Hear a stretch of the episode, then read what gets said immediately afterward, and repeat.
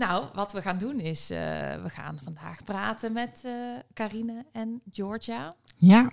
Zij zijn binnenlands geadopteerd en ze hebben ook een stichting. Ja, en zij zijn voorvechters voor de rechten van uh, geadopteerden. Hè? Ja, en we gaan met hun praten over overeenkomsten en verschillen tussen donorconceptie en, en afstand en adoptie. Um, en ik, ik merk nu al uh, want we hebben ze al eventjes kort van tevoren gesproken. Het is weer heel leerzaam. Nou, en, uh, en pittig ook. Uh, althans, herkenbaar. En ehm, ik heb gewoon best wel kippenvel. ja, veel kippenvel Als ik ze spreek. Ja. Ja. Dus... Indrukwekkende verhalen, Eve. Ja, zeker. Laten we beginnen.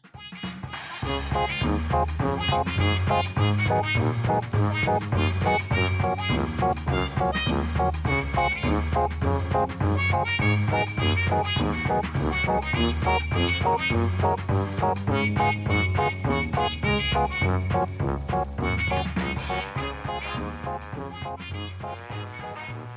in de podcast heten wij van harte welkom Carine en Georgia.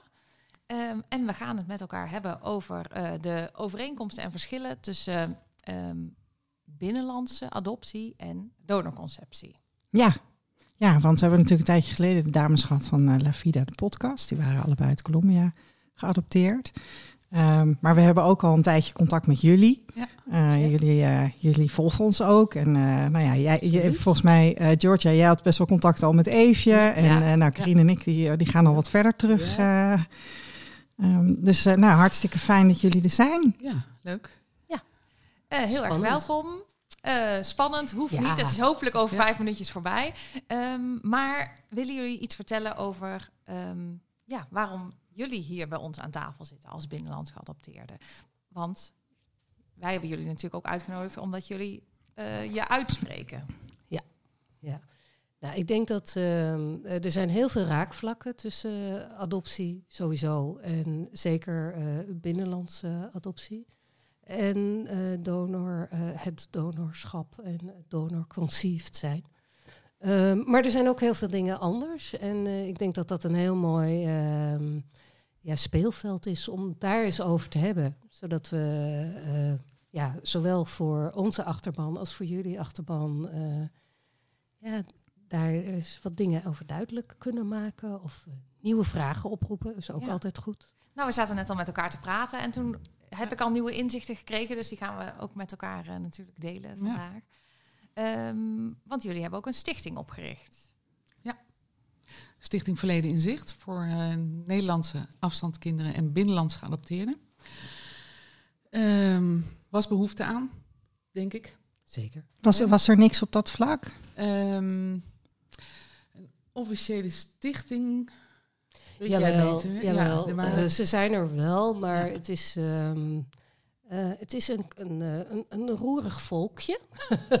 dus, um, de geadopteerden. De ge ja, ja. ja um, dus het, uh, en het kost heel veel, maar dat merken jullie ook met de podcast. Het kost heel veel energie. Het kost heel veel van jezelf. Zeker als je ook zelf tot de achterban behoort. En uh, dus uh, er zijn regelmatig uh, projecten uh, opgericht. En er is ook een stichting, er zijn meerdere stichtingen geweest. Um, maar mensen, ja, op een gegeven moment is, is de fut eruit. En ja. Het is ja, moeilijk vol te houden. Het is hè? heel dat moeilijk vol te houden, omdat ja. het heel zwaar is. Ja, het is ook heel leuk en het is heel belangrijk. Maar het is ook zwaar om het, omdat het. Um, heel vaak dingen zijn die je ook heel erg herkent natuurlijk. En je moet het allemaal er wel naast doen, onbetaald. Ja, ja je zit met mensen aan tafel. Als je belangenbehartiging doet, zit je met mensen aan tafel. Ja. Die zitten daar betaald, die doen hun werk. Ja, en, jij zit in je, en jij zit in je vrije tijd, je persoonlijke verhaal, zeg maar. Hè. Ja, uh, elke keer weer dat persoonlijke verhaal. En elke keer ook weer... En dat wil je ook, want dat, uh, ja, dat sluit ook aan bij mensen. En daarom vertrouwen mensen je ook. Maar aan de andere kant is dat gewoon wel, het is ook ingewikkeld. Um, en mensen verwachten op een gegeven moment ook heel veel van je. Uh, er zijn heel veel verschillende soorten um, afgestaande mensen en geadopteerde mensen met, um, zoals ze in het Surinaam zeggen, met verschillende hebis, met verschillende problemen. En ja, dat kost gewoon, het, het kost veel energie. Ja. Vandaar dat uh, mensen het, helaas in het verleden ook niet lang, ja, soms wel lang, maar ja, niet meer volgehouden hebben. En ik denk dat dat ook ja, ligt aan het gebrek aan ondersteuning. Maar daar gaan we het vast ook hebben, over hebben. Heel goed. Of de steun is voor ons soort mensen. Ja. Nou, laten we het daar inderdaad uh, straks nog eventjes over hebben. En jullie zijn dus allebei zelf uh, binnenlands geadopteerd en vanuit daar, uh, of zeg ik het verkeerd, Carine? Nou ja, we zijn eerst afgestaan, want dat is ons verhaal. We komen ergens vandaan. -huh. En daarna zijn we geadopteerd. en we hebben ook, we zijn een stichting voor binnenlandse geadopteerde, binnenlandse afstandskinderen en geadopteerden. Want sommige mensen zijn ook niet geadopteerd. Die zijn dan opgegroeid in tehuizen. Ja.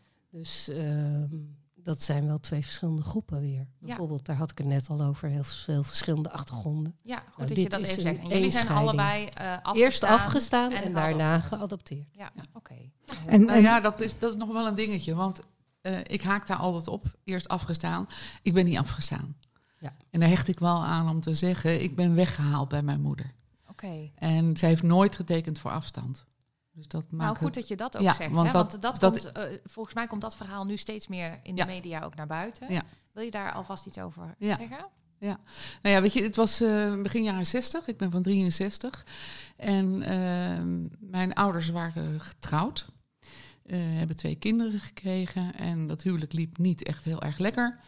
En mijn moeder is toch nog zwanger geraakt van mij. Maar ondertussen had mijn vader ook een andere vriendin die ook zwanger was. En mijn moeder is vertrokken vanuit Amsterdam naar Rotterdam en heeft mij daar gekregen. En uh, ja, die is uh, wel, die was echt van plan om voor mij te blijven zorgen. Maar in die tijd, een vrouw alleen, gescheiden van tafel en bed, en niet al te beste buurt in Rotterdam, dat was reden genoeg. Uh, voor mensen om te melden uh, bij de politie of bij de raad van hé, hey, daar is iets niet helemaal in de haak. En ik heb anderhalf jaar geleden, denk ik, bijna twee jaar geleden, heb ik voor het eerst mijn um, dossier ingezien bij de Raad voor de Kinderbescherming. En daar staat vrij minutieus beschreven hoe er eigenlijk. Um, nou, hoe mijn moeder voortdurend op de vlucht is geweest met mij voor de instanties. Dus dan waren ze mijn moeder op het spoor. En dan vertrok ze gewoon weer met mij naar een ander adres. Nou, dat heeft ze een half jaar volgehouden totdat ze uh, inmiddels weer aan het werk was. En ik ook bij de oppas. Wordt ook beschreven dat dat allemaal heel goed was. Maar uh, op het moment dat zij naar de werk was, ben ik weggehaald door de Raad voor de Kinderbescherming met de politie. Naar een kinderthuis gebracht in Utrecht. En um, ja, ze heeft mij daar nog een paar keer mogen bezoeken. Moest ze wel op tijd komen. Als ze niet op tijd kwam, dan uh, kon ze terug naar, uh, vanuit Utrecht naar Rotterdam. En uh, ja, dat, zij wilde gewoon, zij wilde absoluut niet tekenen voor afstand, ze wilde mij houden. En toen dat eenmaal duidelijk werd dat, dat, dat ze geen schijn van kans maakte, ja, werden de bezoeken natuurlijk minder. Ja. En toen las ik in mijn dossier dat er stond: moeder is niet meer geïnteresseerd in het kind, zullen we vrijgeven voor adoptie. Nou, lijkt me heftig. Dus daarna heb ik het nooit meer gezien. Ja. En wat een onmenselijk traject is dat dan, hè? Ja, dat is verschrikkelijk. Kan dat, kan dat, kan dat nog steeds? Want ik, ja. Want je hoort natuurlijk, hè, je, hoort, je, hoort, vaak over de tijdgeest. Zo gingen die dingen toen, maar heftig. Ja, weet je, nou ja, kijk, er wordt natuurlijk nu al veel gesproken over de parallellen met de hele kindertoeslagaffaire. Ja. Van kinderen die uit huis worden geplaatst en... Uh, uh, ik weet daar het fijne niet van. Uh, ik weet, hè, achter ieder verhaal, ieder kind zit een heel eigen verhaal. Dus je kunt het denk ik niet generaliseren. Maar ik denk dat je van onze geschiedenis wel kunt leren dat je kinderen niet zomaar bij ouders weg moet halen. En dat dat een levenslange impact heeft, zowel op de ouders als op de kinderen. Ja. En uh, ja, weet je, dit, dit. En ik ben echt niet de enige waar dat zo gebeurd is. Mm. Hè? Want er is een beetje een beeld van uh, rond de afstandkinderen en de geadopteerden, dat dat allemaal jonge, ongehuwde moeders waren, meisjes van 15, 16 die zwanger raakten. Ja, die dan even, even een paar maandjes Die dan een paar maanden inderdaad weg en die mochten dan het kind niet houden. En, maar mijn moeder was 27, jouw moeder mijn was... moeder was 40. Weet je, dit zijn ook heel veel getrouwde of oudere vrouwen die dit is overkomen. Ja. Ja. En het, uh, nou ja, ik heb mijn moeder nooit meer gezien totdat ik haar zelf ben gaan zoeken toen ik 24 was. Toen kreeg ik mijn eerste kind. En toen had ik zoiets van, ja, maar weet je, die kan niet dat zij, want dat was mij altijd verteld. Ze kon niet voor jou zorgen of ze wilde niet voor je zorgen. Of, uh, Ik dacht, ja, dat kan niet dat je zomaar een kind weggeeft. Nee, dat, dat was het moment dat jij ook echt de impact realiseerde. Zeg maar, ja. Dat je zelf dat, dat moedergevoel hebt en dat je denkt van... Hè? Ja, weet je, het was natuurlijk voor mij mijn eerste... Mijn kind werd geboren en ja. het was mijn eerste bloedverwant. Ja. Uh, het was... Uh, ja, je wordt je dan wordt je nog eens extra geconfronteerd. Natuurlijk ook gedurende je hele jeugd. Je, je weet het. Hè. Op een gegeven moment wordt je verteld dat je, dat je geadopteerd bent. Um, maar dat, ja, dat groeit ook in de loop der jaren. Hè. Dat, dat, je bent je er altijd wel van bewust. Maar op het moment dat je dan zelf kinderen krijgt, ja, dan wordt het wel een. Voor mij werd het een heel ander verhaal. En ik was, werd ook toen pas echt nieuwsgierig naar wie is dan die moeder. In eerste instantie die moeder. En pas veel later, toen ik 45 was, heb ik mijn vader uh, ontmoet. Heb je, heb je ze allebei gevonden? Ja. ja, ik heb ze allebei gevonden, ja. Ja. Ze waren dus gescheiden, wat in die tijd niet heel nou, gebruikelijk ze zijn pas, was. Uh, veel later, uh, officieel gescheiden okay. pas veel later na mijn okay. geboorte. Ja. ja, maar in die tijd was dat natuurlijk niet zo gebruikelijk. Nee. Ja. nee. Ja. Ik ben een beetje stil van, George. Ja. Oh, ja. ja, voor ons is het, weet je, dat is heel raar. Dit vertel je natuurlijk wel vaker, ook in de media. En het is bijna een soort verhaaltje wat je op uh-huh. kunt uh, dreunen. Ja. ja. En ik zie ook vaak pas aan de ander dat dat dan eigenlijk heel ja, dat het best wel impact heeft. Ja. Maar Nou, voor ons zeker, is dat al ja. zo verinnerlijk dat het, ja, toch? Ja. Ja, jij moet het er ook Ja, elke dag mee doen, basis. weet je? Ja, wij Dat, moeten het eh, ermee doen. Dit is onze basis. Ja. We weten niet beter. Eh, ik, eh, allemaal vragen roept dit ook Ja. bij mij op. Maar misschien Ja. is het wel fijn als Carine... Wil Ja. jij ook iets vertellen over eh, hoe dat bij jou is gegaan? Ja, ehm, mijn moeder was dus eh 40. Mijn moeder was al jaren de minnares van mijn vader, die getrouwd was. En een eh, officiële vrouw en een officiële zoon had. Ik heb een zus die ouder is ehm, van mijn eigen moeder en mijn vader. Dus mijn moeder was al ongehuwde moeder en ja, minnares.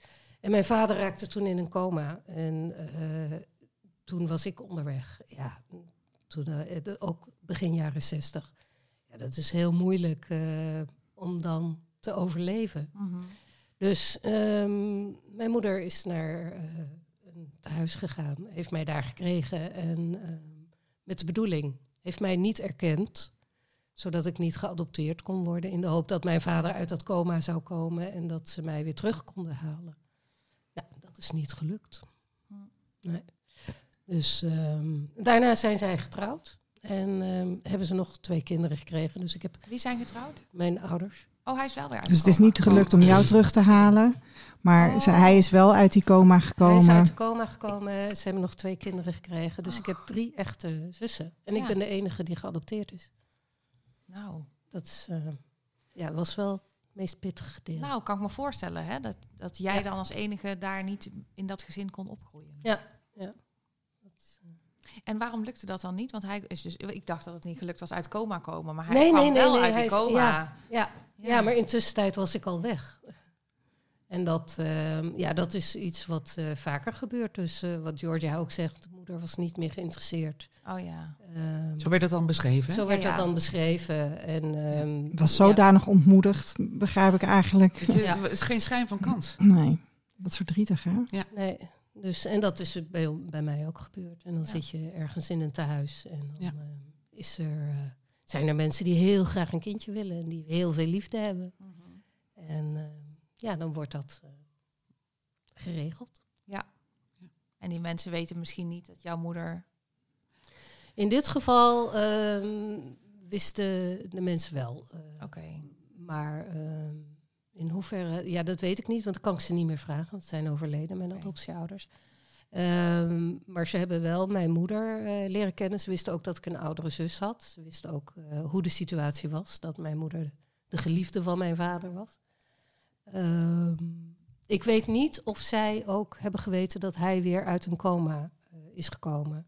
Want zij wisten, ik heb mijn ouders of mijn moeder gevonden toen zij beiden nog leefden. En zij wisten ook niet van de kinderen die daarna kwamen. Dus dat weet ik niet. Nee. Dat, ehm, Vaak werden de ouders ook niet verteld. Hè? Dus het maar heel semier verteld wat de achtergrond van het kind was. Aan de adoptieouders bedoel Ja. jij?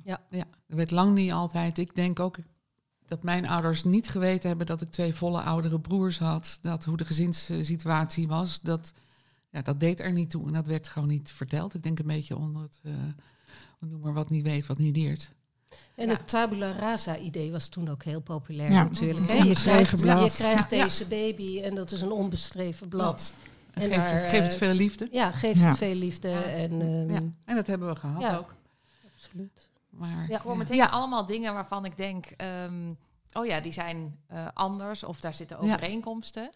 Um, jullie luisteren allebei de podcast. Mm -hmm. um, wat, uh, wat valt jullie dan op qua overeenkomsten of verschillen?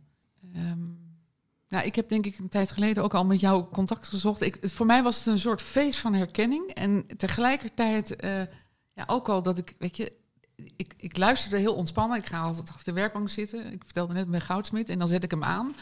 En dan denk ik, oh ja, dat heb ik ook. Oh ja, nee, dat is anders bij ons. Er, zitten, er zijn veel overeenkomsten. Ik denk uh, met name het, het, het broer-zussen stuk. Hè, van het, het vinden van je familie. Um, er zijn natuurlijk ook grote verschillen. Wij maar het broers-zussen-stuk, daar zie jij een overeenkomst in. Ja, nou, we, we, hebben het een tijd geleden, heb ik daar ook met jou een beetje over geschreven, van um, het ontmoeten van de broers en zussen. Ja. Dat, dat uh, um, de, de, weet je, de, de spanning van, van, van uh, vinden ze me wel leuk, weet je, uh, word ik geaccepteerd? Um, dat soort dingen, weet je, dat vind ik, vind ik fijn om gewoon te horen. Van goh, daar, daar hebben dus meer mensen mee te maken. Ja. En, hoe, en dat dat spannend blijft. Dat dat dus niet, dat dat echt een heel traject is. Kan ik mezelf kan zijn? Kan ik mezelf of zijn? moet ik de leukste versie ja. van mezelf nou, zijn? dat. Ja, ja, ja, ja en, heel herkenbaar. Ja, en dat, uh, nou ja, dat, dat speelt soms nog. Weet je, terwijl ik het niet uit kan staan van mezelf. Dat ik denk, ja, weet je, ik, kan, ik, ik denk dat ik inmiddels, zeker bij mijn oudste broer, kan ik echt mezelf wel zijn. Maar toch, dat je altijd denkt van. Uh, er zit een bepaalde. Terwijl dat vanuit de, de, de broers en de zus niet zo is. Maar ik ervaar altijd een soort. Um, of in mij zit een soort uh, uh, alarmbelletje van een bepaalde voorwaardelijkheid. De, de, wij kennen natuurlijk niet als, als, als uh, adoptiekinderen de onvoorwaardelijke liefde nee.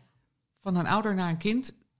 Dat ken ik niet. Ondanks dat mijn ouders dat wel gegeven hebben, mijn adoptieouders. Maar voor mij was het altijd een bepaalde voorwaardelijkheid.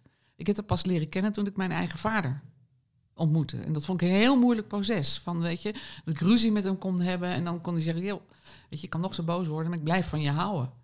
Ja, voor mij was het, ik werd als kind niet zomaar boos. Want ja, weet je, voor hetzelfde geld word je teruggestuurd ja. naar het huis. Ja. He? Je hebt toch al ervaren dat ja. je... En dat blijft ja. ook met broers en zussen altijd dat je denkt van een bepaalde voorzichtigheid. Maar heb jij het gevoel dat zij dat ook hebben? Of zit dat dus uh, ja, Nee, ik denk dat dat ook wel een karakterding is. Ik denk mijn oudste broer heeft dat zeker niet. Die is heel authentiek. En die... Uh, ik denk ook niet dat wij elkaar nog kwijtraken.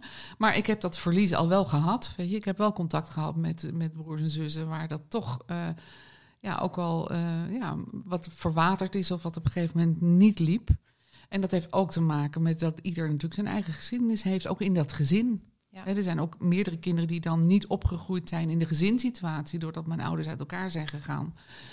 Ja, en ieder moet daar maar mee dealen. En het is niet vanzelfsprekend als je elkaar na 40, 45 jaar ontmoet, dat het dan in één keer nee. uh, bam en nee. Nee, en dat komt ook weer overeen, hè? wat wij vaak zeggen. Ja. Je deelt niet de geschiedenis nee, samen. Je, deelt, je hebt geen herinneringen, je hebt geen...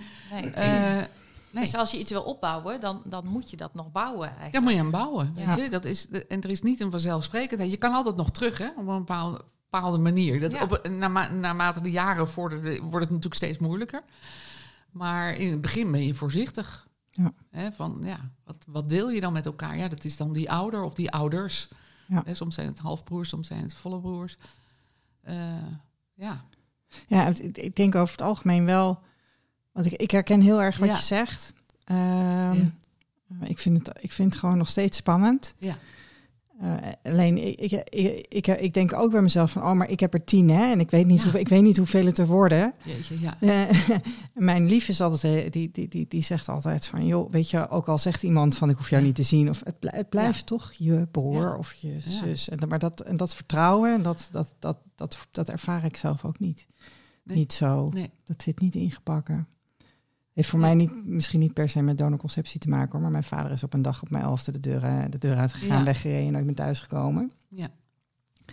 Ja, maar ergens denk ik ook wel dat het iets met donorconceptie te maken heeft. Omdat uh, um, met donorconceptie wordt je altijd heel erg verteld dat, ja, die, um, hè, dat het ging om zaadjes en heel erg uh, wegblijven bij die relatie. Ja. ja. Uh, en bij dat gevoel, daar zit eigenlijk geen, uh, geen, geen, geen gevoel bij. Nee, precies. Dus, um, dus daarom denk ik ook dat wij hebben nooit ervaren, denk ik, dat dat onze broers en zussen mogen zijn. Ja. Dat denk ja, en dat is ook, weet je, we helpen natuurlijk mensen met, met, met familie vinden. Um, dat is ook de spannendste stap als je contact op gaat nemen met je donorvader. Ja.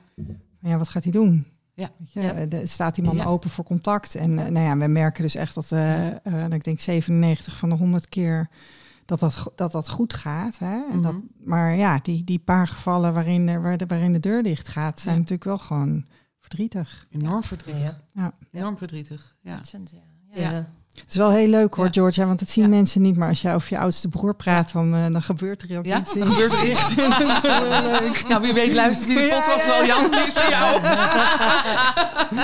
Maar hij is ook heel leuk. Ja. Ik ben heel dol op hem. Hij is, echt, ja, hij is heel leuk. Ja, dat is dan toch een cadeautje. Ja, ja absoluut. Ja, nee, zeker. Zeker, ja. ja. ja.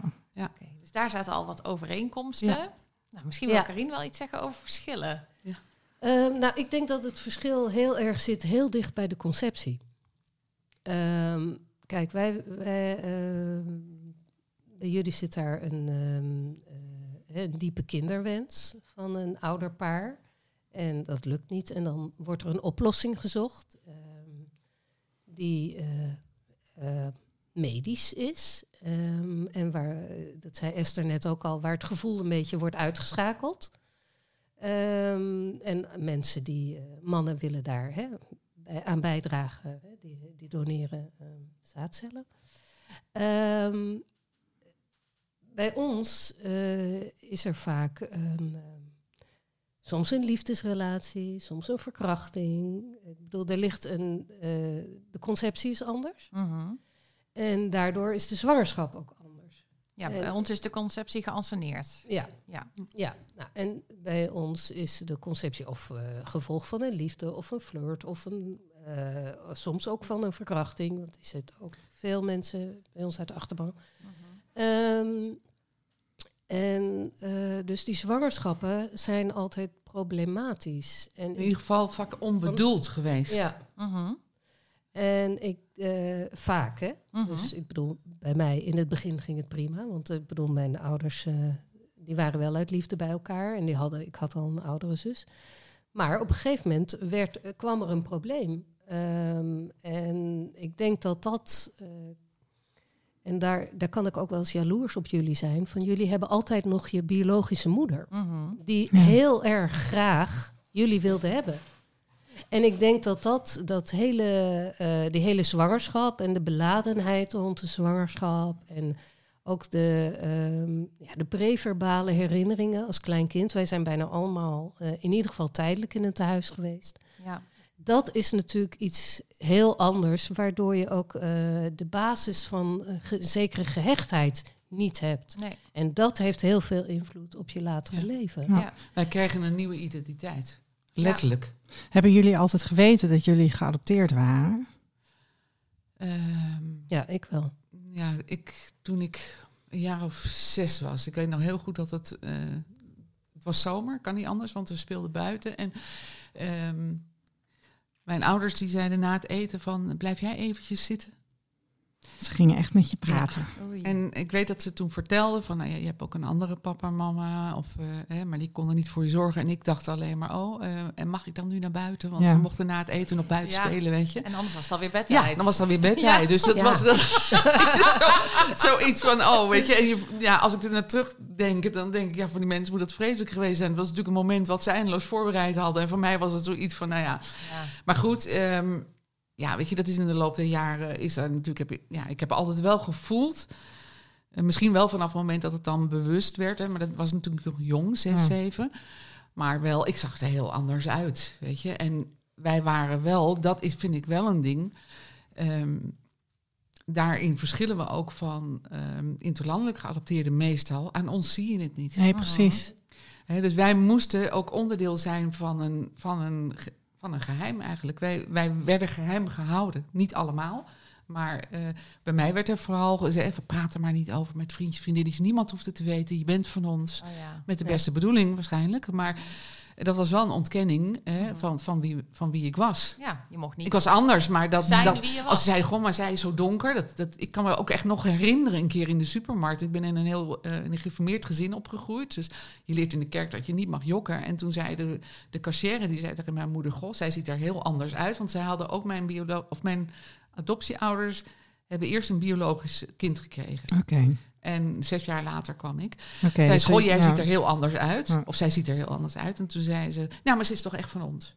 Oh ja. En toen voelde ik als kind van, hè, maar weet je, dit is jokken. Mhm. Dat mag toch helemaal niet? Uh Hè, want dat had je geleerd in de kerk. Dan hoor je elke keer dat je niet mag jokken. En uh, ja, dat was heel raar. Maar je deed wel daar mee. Want je, ja, weet je, je voelt dan gewoon, daar moet je niet over praten. Dat is een no-go. Dat is een onderwerp waar we het niet over hebben.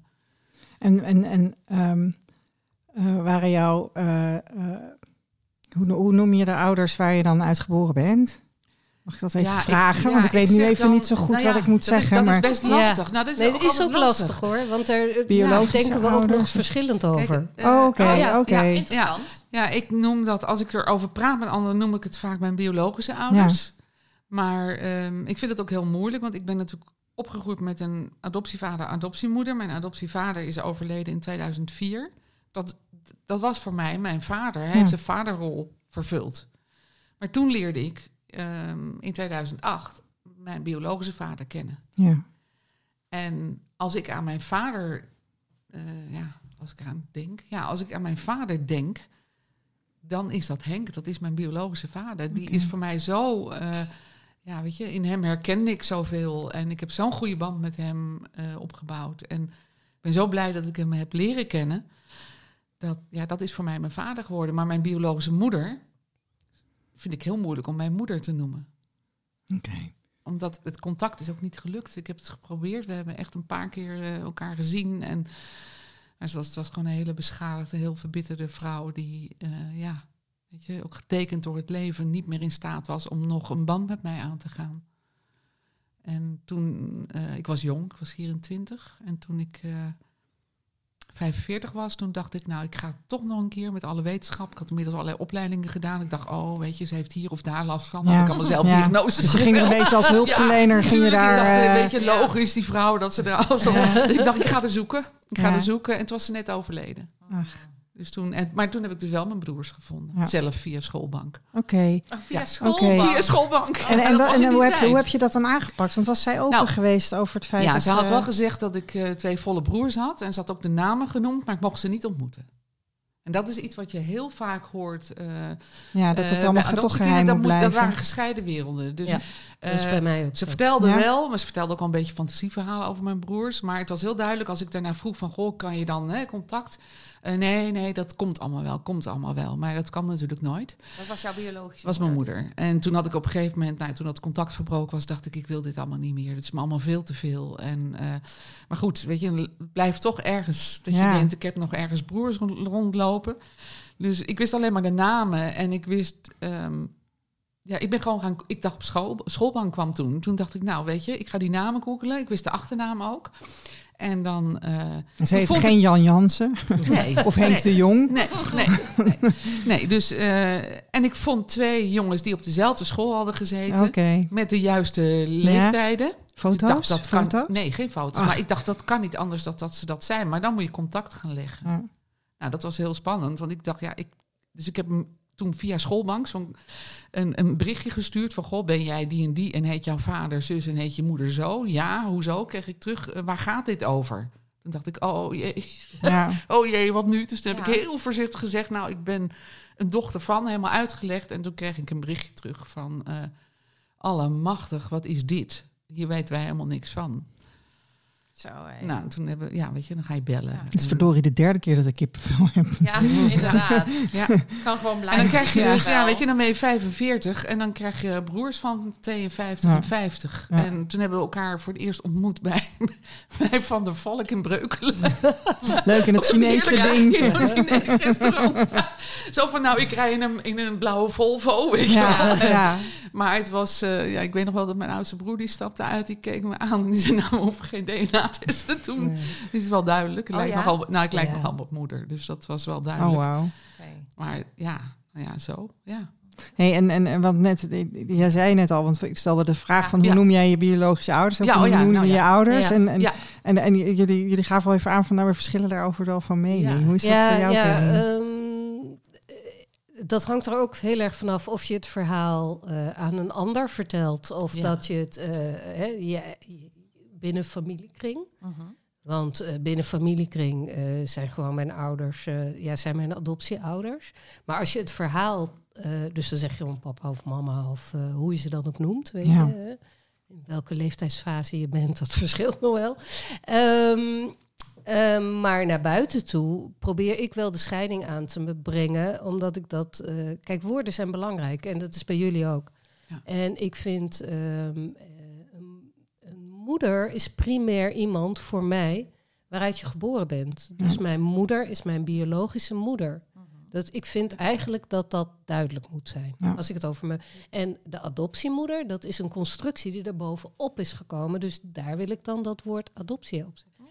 Ja. Dat, dat vind ik wel heel logisch wat jij ja. zegt. Ja, dat raakt ja, Dus zo doe, zo doe ik dat. Maar dan heb je mensen die zeggen van ja, maar um, moeder is voor mij ook het gevoel, uh, weet je, daar hoort dat zorgen ook heel bij. En dat, dat, thuis, ik heel erg. Uh, dat heb ik heel erg. Weet je, voor mij is een moeder iemand die de moederrol op zich neemt. Ja. Maar dat is misschien ook omdat mijn andere moeder echt niet mijn moeder is geweest. Dus dat is de enige moeder die ik eigenlijk gekend heb. Dus dat is als ik mijn, moeder leeft, mijn adoptiemoeder leeft nog. Ja, maar dat ligt er dus aan hoe je het labelt. Want ja. jij zegt net wel dat je dus heel erg op jouw moeder, je biologische moeder, lijkt. Ja, fysiek. Fysiek. Ja, ja. niet qua karakter, denk ik. Nee, dat wil je nee. dus ook niet. Nee, maar, nee maar, dat wil ik niet. dat is duidelijk. Nee, maar, ik hoop het niet. Dat nee. mag hier gewoon. Ja, dat hoop ik echt niet. Alles nee. mag hier. Ja. Ja. Maar dus jij leek wel heel erg qua... Ja, nou, het was duidelijk dat ik haar dochter ja, was. Precies. Ja, Dus ja. dat, dat zou je ook kunnen... Daar zou je ook op aan kunnen gaan van... Oh ja, dat is duidelijk mijn moeder. Ja, maar ik, ik vind, uh, voor mij zit in, in, in het woord moeder, uh, daar wil ik op een bepaalde manier warme gevoelens bij krijgen. Vanwege het moederen. Ja, misschien. Of van, ja, weet je, ik ben zelf ook moeder. Ja. Ik, ik, ik, ja. um, ik heb niet het gevoel gehad dat mijn biologische moeder uh, van mij gehouden heeft. Dat heeft ze zeer waarschijnlijk wel gedaan toen ik geboren was. En ja. als ik zie, dat vind ik wel moeilijk, want als ik nu zie, ik heb mijn dossier gelezen en dan denk ik, ja, ze heeft, ze heeft vroeger echt van mij gehouden. Ze heeft wel voor jou gestreden. Ja, ze heeft absoluut voor mij gevochten ja. en gestreden en geprobeerd. Maar um, ja, toen ik haar ontmoette, uh, nou, was het niet iemand waar ik heel blij van werd. Nee. En zij werd ook niet zo blij van mij, geloof ik. Dat, nee. Jammer. Was niet, ja, het was ontzettend jammer. En dat zijn dan toch de enige herinneringen die je aan haar ja. hebt natuurlijk. Dus, ja. dat is, uh... dus dat is ook altijd, weet je, het blijft altijd een pijnlijk... Ik vind het ook altijd, als ik het met mijn oudste broer dan over heb... want het is ook zijn moeder, we hebben dezelfde ouders. Um, elke keer als ik het dan over onze moeder heb... dan vind ik het ook moeilijk om te zeggen onze moeder. Uh -huh. En haar voornaam noemen vind ik ook moeilijk, want ja, zo hebben we er nooit genoemd. Het blijft altijd ongemakkelijk om dat uit te spreken, omdat ook voor hem is ze niet echt een moeder geweest. Dus dat. Oké. Okay. Maar ja, het is wel de vrouw uit wie we geboren zijn. Ze ja. heeft ons wel het leven gegeven. Dus ja, weet je. Ja. Ja. Dat, dat. Want dat, ja, dat. Ik kan me herinneren dat ik mijn moeder uh, was ik een, een, weekend bij mijn biologische moeder. En um, ik kon alleen maar e zeggen. Dus ik ja. kon haar niet, ik kon haar ja. niet bij de naam noemen. Ik kon ja. haar ook geen mama noemen. Ik kon haar geen moeder noemen. Ik zei uh. Ja. Uh. ja. Mag ik, uh, ja. En dan kreeg je de aandacht. Ja, ja. ja. Ik snap dat heel goed, maar ook wat ingewikkeld. Het is vreselijk ingewikkeld. want hoe oud was jij toen, toen jij haar uh, leerde kennen? 27. Oh ja, precies. Dan ben je dus al heel, best wel een tijd volwassen. Ja. En dan loop je tegen zoiets ingewikkelds aan eigenlijk. Hè? Ja, dat was heel ingewikkeld. Ik heb mijn moeder um, ook zelf gevonden. Um, en, uh, Hoe heb je dat gedaan? Met mijn geboortebewijs. En daar hebben we, ja, ik denk dat wij daar mazzel bij hebben op onze geboortebewijzen. Wij zijn van begin jaren 60, staan nog wel onze eigen namen. Dus dat, is, dat scheelt enorm. Hè? Okay. In de eind jaren 60, begin jaren 70 gingen ambtenaren enthousiast meedenken met adoptieouders. En dan werd er gewoon je adoptienaam op je geboortebewijs gezet. En dan kun je dus niets meer. Kreeg je een soort nieuw, nieuw geboortebewijs. Ja, ja. ja. Ja. werd, werd ook actief aangeboden aan de geboortemoeders, dus aan de biologische moeders, om het kind uh, te wissen van te wissen. hun. Dan kregen ze een kaart. nieuw, ja, een nieuwe kaart. En dan kon het kind bijgeschreven worden bij de adoptieouders als zijnde het eigen kind. Ja. Dus, maar daar hadden wij dus de mazzel bij, Georgia en ik, dat wij dat allebei niet hadden. Dus we dat hadden onze originele geboortebewijs. En, dat scheelt heel erg. Zou dat me hebben meegespeeld? Want jullie uh, is dus allebei verteld dat je geadopteerd was. Want dat uh, viel mij ook meteen op. Hè. Dat is ook een verschil tussen ons. In de wereld van donorconceptie was het heel jullie gebruikelijk om een geheim te zijn. Maar bij jullie werd het jullie verteld. En daarna werd jullie verteld, praat er maar niet over. Ja. Dat, is dan, dat is dan wel weer hetzelfde. Ja, precies. Maar waar, want waarom zou dat dan? Waarom hebben ze dan jullie toch verteld? Nou, ik, de, de um, je, moet dus, je moet volgens de wet aan statusvoorlichting doen. Hè? En dat is ook, ik denk dat dat een heel gebaseerd, maar dat is een aanname, gebaseerd is op uh, hele oude regels van incest. En, uh, hè, dus de wet als je kinderen ergens anders opvoedt als zijnde jouw kind, dan moet in ieder geval juridisch duidelijk zijn hè, dat het, dat het um, er moet ergens een moment zijn dat ze weten dat ze biologisch ergens anders vandaan komen. Dus dat die statusverklaring, dat moet gebeuren, die voorlichting in principe. Maar wat niet wil zeggen dat er um, in de rest van het leven ja, wil je gewoon een gezinnetje zijn, weet je, met kindjes, uh, die adoptieouders willen gewoon een gezinnetje zijn met hun kinderen. Ja, precies. Dus, mine, uh, mine, mine. Ja, ja en angst. Ik denk heel veel angst om uh, uh, het kind weer te verliezen. Toen ik mijn eh, biologische moeder ging zoeken, dat heb ik via de FIOM gedaan. ik heb contact gezocht toen ik 24 was. En, ehm, die bestonden toen ook al? Die bestonden toen al, ja, die bestaan al heel erg lang. Ja, ja, ja. ja. Ehm, nou, contact gezocht en ze hadden haar vrij snel gevonden.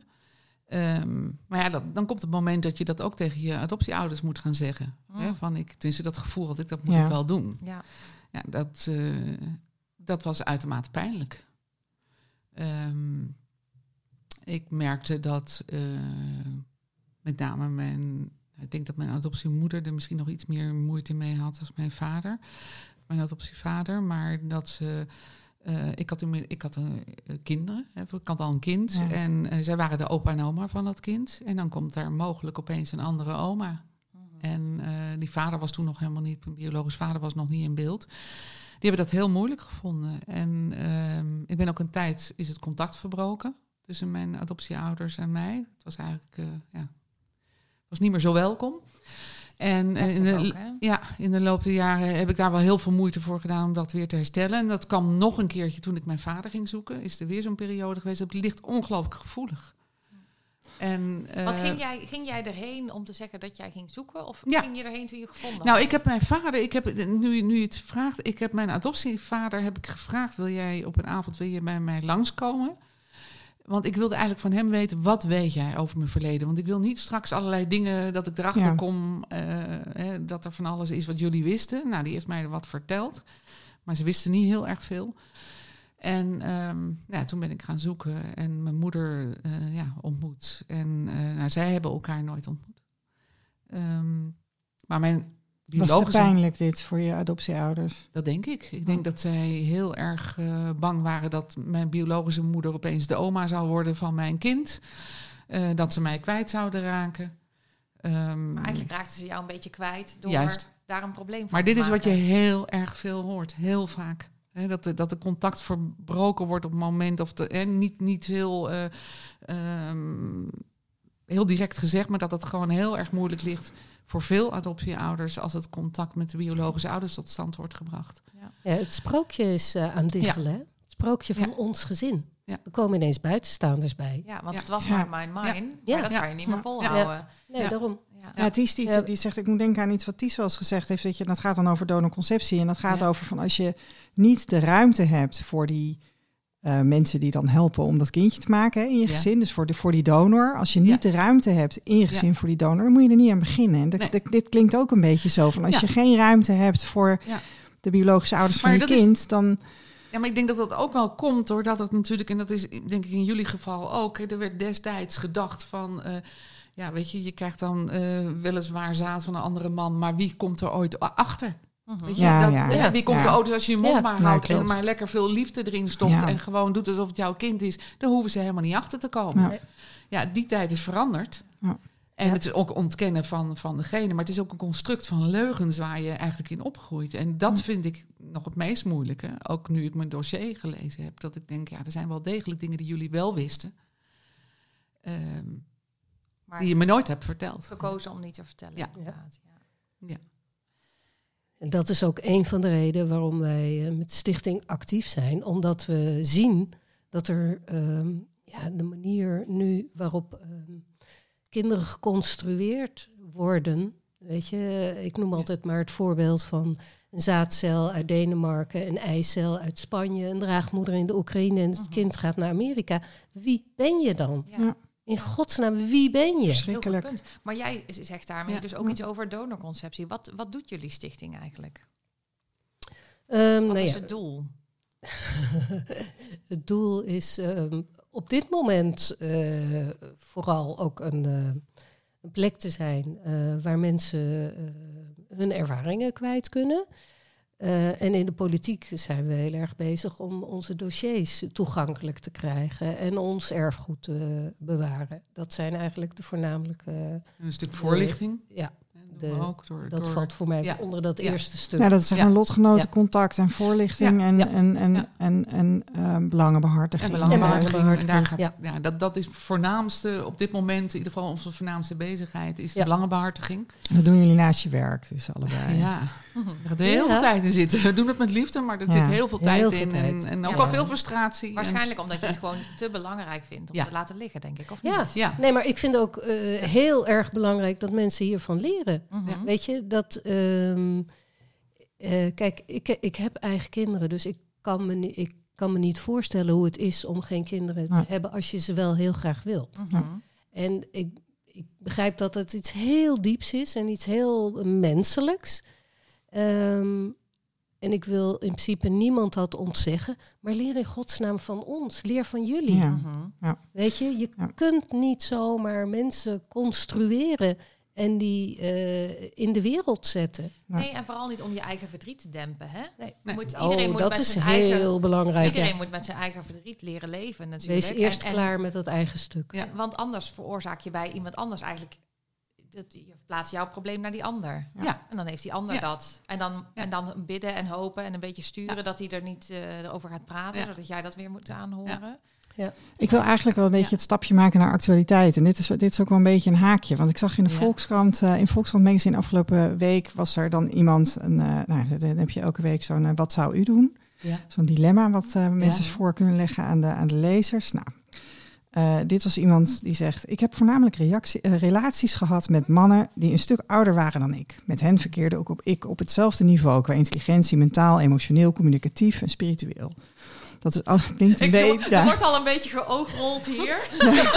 niet door Brian. Ik zeg niet door wie. Ik probeer ook, ik probeer ook wat gevoelens te onderdrukken, maar ik lees gewoon even verder. Ja. Ehm, nou, dat is altijd goed gegaan tot ik sinds kort ben gaan denken aan het krijgen van kinderen.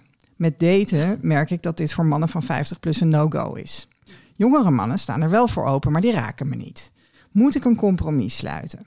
Of moet ik hopen dat mijn ideale man ergens rondloopt en dat mijn tijd nog komt? Nou goed, dan, die mevrouw wil dus kinderen. ja. eh, alleen eh, die heeft dan nog geen geschikte man. En dat vraagt ze in de krant. Dat vraagt ze in eh Oh. Volkskrant Magazine en dan kun je dat voorleggen.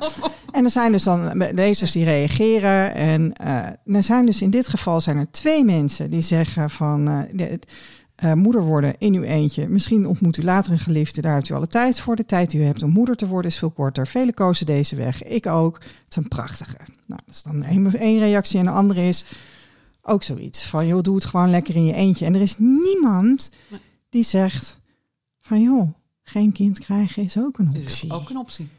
Weet je, het is geen optie. Nee. Het is gewoon geen Nee. optie. In het, in het, en, Het moet en zal er komen. ja. Ja. Ja, En en maar daar vind er ik wel meer van. zoveel uit. Ja. Hoe, hè? De, Ja. ja. daarvoor zijn de... Nou, ik vind het ook moeilijk hoor. Want weet je, jij zegt het ook zelf van wij hebben kinderen, dus we kunnen. Ja. Het, het, is misschien ook makkelijk praten.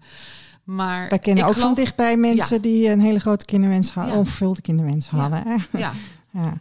en weet je, het, het, eh, een kind is nooit de oplossing voor jouw verdriet. Nee, En dat moet denk ik heel, heel goed eh, gerealiseerd daar worden. mag je een kind ook niet mee mag opstaan. je een kind niet mee opzadelen. En dat is natuurlijk wat wij ook hè, ervaren hebben. Van je was zo gewenst. Zo, eh, Maar om dat waar te maken, dat is zo'n enorme last op je schouders. Als jij, als jij dat stuk kinderloosheid moet, moet inlossen, eigenlijk, moet, ja. moet compenseren, dat kun je bijna een, een kind niet aandoen. Nee, ik heb, ik heb ook echt altijd wel gevoeld dat ik gemaakt Ja. ben om mijn moeder gelukkig te maken. Ja. En, en dat, is, dat is me dus niet niet gelukt, nee. hè? Nee, maar dat, Maar het is je onmogelijk bij Nee. dat, mag je een kind. Een kind is er nooit Nee. per definitie om de ouders gelukkig te maken. Nee. Nee, maar toch blijft Maar het is dus kennelijk wel wel wat je Ja. voelt. Ja. Ja. Ja, dat je die Ja. taak had. Ja. Ja. Ja. Ja. En dat, dat horen we bij- in onze achterban ook heel veel. Ja. Dat je, dat je, en ook het bewustzijn dat je, dat je gewoon weet van ja, weet je, ze hebben er zoveel moeite voor gedaan. Ik mag Eh, niet tegenvallen. Je mag niet tegenvallen. Ja. Ja. Hoog- hoge een onvoldoende eisen. halen is al tegenvallen. Ja. Oh mijn god. Nou, ik was Ja. ook blij dat ik Ja. niet naar de MAVO hoefde. Ja. Want ik dacht, Ja. poeh, nou. Voor. Ja. Ja, nee, en ik, toen wist ik helemaal niet waar ik vandaan kwam of zo. Nee, hè. Want hoe, maar ik hoe voelde oud wel, waren jullie toen jullie dat hoorden? Dat je Ik was 15. 15, oké. Nee, ik was 28. 28? Ja. Ja. En, En dat was dat komt- een dat bewust komt iets van jouw voor. moeder om dat te vertellen? Of nee, was dat was niet hun beslissing. Zij zijn onder druk gezet door een buitenstaander die op de hoogte was. En die, eh, en die, die dat ook wilde zeggen om mijn ouders te kwetsen hoor. Dus niet in mijn belang, niet iemand die dacht Nee. van oh ik weet hoe Ze dit zit. Ze moeten open kaart om- spelen. Ja. Nee. Dit was gewoon van iemand die mijn vader pijn wilde doen. Dus eh, ja, Ja, dat belachelijk, gebeurt echt. veel. Ja, mijn moeder werd in het nauw gebracht. Die had gewoon een beetje eh, niet zo goed over de zaken nagedacht. Want zij Mhm. hadden dus voor een donor gekozen omdat er een erfelijke aandoening was aan de kant van mijn vader. Mhm. En op een gegeven moment zei mijn zus van ja, ik wil gaan laten onderzoeken of dat Bij mij. Ja. ja, of, eh, of mijn kinderen, of ik dat Ja. kan overdragen aan mijn kinderen. Iets Eh, waarvan je drager kunt zijn, zeg maar. eh, ja, ja. en, en eh, dat was precies de reden waarom ze gekozen hadden voor donorconceptie. Dus dan, ja, hoe heb je ooit bedacht? Maar ze had dus bedacht dat ze nooit ging vertellen. Maar eigenlijk eh, ja, kon dat al nooit natuurlijk. Nee. Dus dat is een Nee. beetje... En toen eh, wilde mijn zus dat gaan onderzoeken. En toen dacht ze, shit, ja, nou, nou moet ik wel. Ja, ja. Nu gaan ze dingen ontdekken. Ja. Ja. Ja. er, was, een- ja. Er, was, er was nog iets in het nieuws. Ja, ja. Ja. Ehm, eh, en dat is dan buitenlandse adoptie. Hè? Dat, Ja. dat, eh, Ja. eh, dat is natuurlijk inderdaad. stilgelegd. Ja. Wij- wij- ja, ik lag dus 's ochtends in bed, NPO. Radio 1 op. We- we- Ja. Dat is mijn wekker, zeg maar. Ja. En eh, dus daar wordt gezegd van, nou, dus onder voorwaarden wordt eh, eh, buitenlandse adoptie weer toegestaan. Eh, we gaan nu bellen met eh, de voorzitter van de club van eh, adoptieouders. Oh ja, En dan gaan we eens even horen Tuurlijk. hoe die daarover denken. En die zijn er natuurlijk heel blij Ja, mee. Het is natuurlijk heel vervelend dat het was stilgelegd. En, maar dat Ja. ik echt denk, what the fuck, waarom bellen Ja. ze niet iemand die het slachtoffer is van mensenhandel? Weet je, iemand die dus heel, die niet blij is. Weet je, het, het, het is zo, iedereen is zo gericht op nog steeds het, narratief, het Ja. sprookje. Ja. Eh, sowieso dat die kindertjes die hier natuurlijk veel beter hebben. eh, eh. Hè, want daar Ja. hebben ze geen kansen. Ehm, nou ja, dat, ik, ik vond het echt heel heftig. Ja. Dat, en, want dat is ook wat er bij ons gebeurt. Weet je, Ja. bij ons al met donorkinderen. Is op het moment dat dat dan in het nieuws is, dan, gaan ze, dan zitten er artsen. Weet je wel. gelukkige donorkinderen. Nou, maar ja, het, is gewoon, het, het- dit- dat, is gewoon, Ja. dat is gewoon heel gek dat ze, Ja. dat ze niet op dat moment de mensen inbellen waar het over gaat. En daar, Ja. Ik, merk, ik, ik, nou, ik was Oh, meteen maar wakker. Die, maar zeg die maar. bellen ze ook hoor. Maar je hebt, eh, en dat is, noemen ze in de Anglo-Saxische adoptiewereld nog in de fog zijn. Oh, Ja. ja. Dus mensen die eh, ja, eh, zich echt Ja.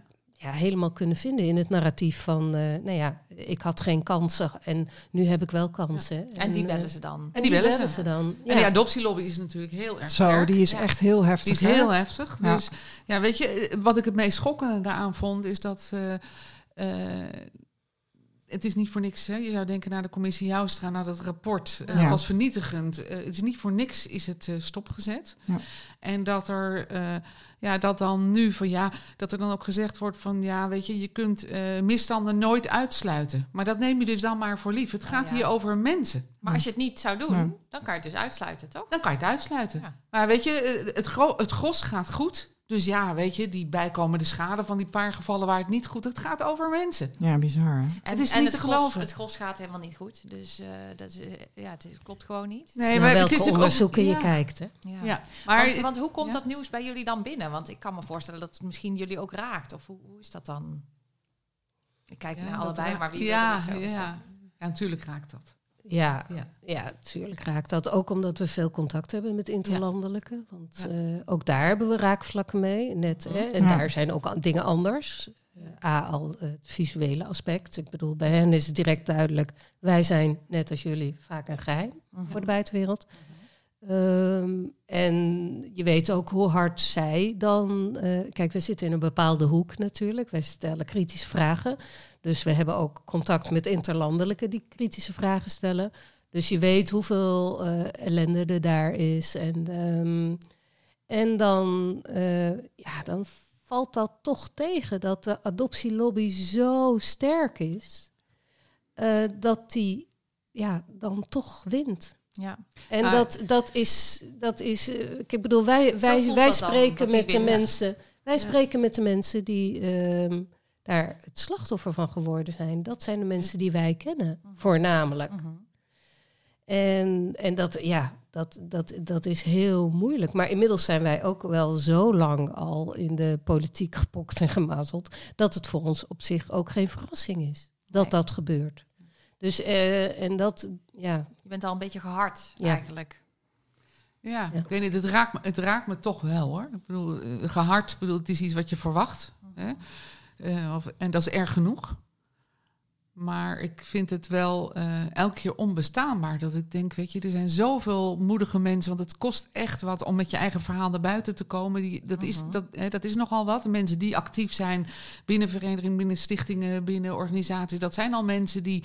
Het zijn meestal niet de mensen die zeggen, joh, het is allemaal fantastisch gegaan. Uh, dat je daar dan mee naar buiten komt en dat daar gewoon eigenlijk. Dat ze zeggen, ja, weet je, uh, dat kan wel waar zijn. Maar er gaat ook een hele hoop goed. Dus je wordt ook min of meer gewoon weggezet van jouw verhaal doet er niet toe. Jouw, le jouw leven eigenlijk, hoe het met jou is gaan, doet er niet toe. Ja, en wat ik begreep is dat ze dus eigenlijk gaan zeggen van er is, is dat de Haagse conventie, er is, er is een soort van adoptieverdrag. Ja, of de Haagse, Haagse adoptie, dat, dat, waarin waar dus in staat dat het alleen maar kan echt ingevallen dat er echt geen andere oplossing is. En dan gaat, maar precies, maar dan gaan ze nu aandragen. nieuws. Gaan ze nu zeggen van nou daar gaan we ons nu dan aan houden. En de overheid had, altijd dat was altijd al zo. Ja, precies. Het wordt gepresenteerd als iets nieuws, maar het is gewoon een, een, een ja, weet je. Ja, en in het Haagse adoptieverdrag staat ook dat in, uh, kijk, het ontvangende land mag geen onderzoek doen naar de afstand ja. in het uh, zendende land. Dus hoe kun je dan, kijk, hè, ze mogen wel kijken hoe de adoptie vergaat, maar ze mogen niet de kern onderzoeken. Dus hoe kan je dan garanderen dat dat goed gaat? Dat kan dus niet. Dat kan dus niet. Nee. En wat ik, heel, wat ik heel lastig vind in deze hele discussie is dat, en dat zie ik in de krant ook vaak, dan wordt dus, en dat zullen jullie ook uh, meemaken, ik zei net het gelukkige donorkind, uh, de gelukkige geadopteerde, er wordt dan altijd iemand uh -huh. van voren geschoven die het zo goed heeft gehad, die hier kansen heeft gehad, die in het in eigen land niet had gehad, ja. noem het maar op. En dat is hetzelfde. Aan ons wordt ook heel vaak gevraagd van... goh, uh, heb je het goed gehad? Ben je in een goed gezin terechtgekomen? Heb je... Hè, nou, je hebt wel uh, opleidingen kunnen doen. Hè? Had je dat ook bij je eigen ouders kunnen doen? Ja. Dus oh, ja. alsof het... Weet je, dan wordt er de, wordt vanuit er ongemak gezocht naar... er moet ook wel wat positief zijn... en laten we dat dan maar benadrukken. Ja. Want dan hebben we het er niet meer over. Uh -huh. Dan hoeven we het er niet meer over te hebben. Dat verzacht voor maar je kunt en gelukkig zijn. Leed, ja. dat is natuurlijk niet. Uh... Nee, maar die kennen het leed ook nee, niet. Nee. nee weet je, dus en je dat kunt is... niet verwachten dat ze dat snappen. Die kennen alleen maar daarom is het zo belangrijk narratief. Dat die, ja. En daarom, is, het dat belangrijk dat wij, ja, dat wij ja. het wel vertellen. En ook al is het ongemakkelijk, uh, we moeten het wel blijven vertellen. Dat is de enige manier om, om het wel voor het voetlicht te krijgen. En zijn jullie met een grote groep mensen die uh, net als jullie naar buiten treden en uh, vertellen? Nou, er is ja, groot. Uh, ja, we zijn, ons bestuur is op zich vier personen, dus dat. Um, maar we, we kennen wel mensen genoeg uit de achterban die we kunnen vragen om bijvoorbeeld in de media mee te doen of verhalen te vertellen. Verhalen te vertellen. Dus, jullie uh, hebben ook, is misschien ook goed om even te noemen, jullie hebben ook een besloten Facebookgroep ja. voor mensen om uh, ja. contact te hebben. Ja. Uh, Hoe vinden mensen die? We kunnen, Daar kunnen we wel even een linkje sowieso natuurlijk naar, naartoe plaatsen. Nou, we zijn op Facebook te, ver, te vinden, Stichting Verleden in Zicht. Oh, goed. voor binnenlandse afstandskinderen en Nederlands geadopteerden. En daar kan je lid van worden. Ja. Moet je wel een paar vraagjes beantwoorden, omdat we de groep natuurlijk echt inderdaad veilig willen houden. Uh -huh. En uh, dus, uh, maar daar kan je uh, van die, van die Facebookgroep kan je lid worden. Ja. En wij zijn vooral, wij zijn niet een uh, Facebookgroep waar uh, onderling heel erg veel uh, persoonlijke verhalen op de Facebookgroep zelf gedeeld worden. Ja, we zijn politiek actief, we houden mensen op de hoogte. wat, wat, voor, wat we voor ze doen. En er wordt veel um, ja, via ons. Ja verhalen gedeeld. En eventueel kunnen wij dan mensen in contact brengen. En we hebben de pech gehad. We zijn natuurlijk, we hebben vorig jaar mei, we bestaan nu officieel een jaar. Ja. Uh, we hebben natuurlijk de coronatijd gehad, dus we konden niet bij elkaar komen. En nu ons doel is om komende zomer toch echt een eerste uh, nou, dag te organiseren. Om dat mensen elkaar ook kunnen ontmoeten. en dat we ook kunnen kijken van, nou wat is er aan uh, kapitaal gewoon in, in onze achterban? Wat hoe kunnen mensen helpen ook om. Er zijn mensen genoeg, weet je, die ook gewoon een durven te spreken naar buiten. En die groep, ja, hoe groter het wordt, hoe beter het is. Precies. Ja, want we moeten, onze stem, we moeten echt onze stem laten horen. Om een idee te hebben van hoeveel mensen ja, we hebben nu uh, een Facebookgroep van 100, uh, okay. 100 mensen. Ja. En, dat is een uh, beetje de opvang die, die, die, ja. die Van Donekind had toen wij elkaar ontmoeten. Ooit een keer, ja. ja. Er zitten wel veel meer mensen achter. En we hebben ook wel met veel meer mensen contact. Maar die hebben dan bijvoorbeeld geen Facebook. Of nee. willen niet op Facebook. Er zijn ook heel veel mensen, heel veel mensen die, die niet willen op die Facebook. Willen. Dus we hebben wel veel meer mensen die we kennen in, in de achterban. Maar wat bijvoorbeeld ook wel illustratief is... er is natuurlijk... Ehm, in 2019 een onderzoek gestart hè, naar, um, naar binnenlandse afstand en adoptie. Dat onderzoek is helemaal misgelopen. Um, daar, als je dan spreekt, uh, jij weet die aantallen altijd goed, maar tussen 1956 en 1984 ja, uh, zijn er 25.000 ja. moeders die hun kind of meerdere kinderen hebben moeten afstaan. Ja, een, dus, uh, volgens de statistieken, um, die komen dan uit een rapport van 19 of 2017 ehm, ja. uh, zijn er rond 25.000 moeders die 1,3 kinderen hebben afgestaan. Ja. Gemiddeld. Dus dan kom je rond de 28.000 kinderen. Um, die cijfers verschillen. Viom, Viom zegt uh, tussen de 15.000 en de 20.000. Maar dit is uh, via het uh, Centraal Bureau van de Statistiek uh, gereduceerd. Dus, okay. want, maar het is maar, moeilijk omdat er, er zijn geen cijfers over daadwerkelijke afstand. Er zijn alleen cijfers over adoptie. Dus dat is, ja, daar, weet je. Maar als je, dat, als je wel uitgaat van dit getal en je geeft mensen, hè, ouders bij de afstandsouders, eh, allebei ouders en een, uh, en een broertje en een zusje. En je zet per casus, zal ik maar zeggen, per afstandskind, er vijf uh, professionele mensen op. Dus uh, advocaten, wat niet veel is, een arts, een verpleegkundige. Dan kom je aan een half miljoen mensen die in tussen 1956 en 1984 daar dus direct bij betrokken zijn geweest. Dus dat is een hele grote groep. Als je dan voorstelt dat dat onderzoek dus, hè, dan wordt er oproep gedaan. Er zijn 800 respondenten geweest, 800 mensen die gereageerd Zo. hebben. Van die mensen hele die hun verhaal groep, wilden vertellen. Die een verhaal wilden vertellen. En die dachten dan ook nog mee te doen aan het onderzoek. Dat bleek later heel anders te zijn.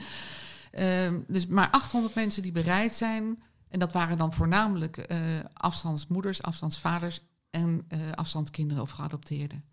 En dan een paar uh, hulpverleners, een paar mensen die dan uh, daar indirect of direct bij betrokken waren.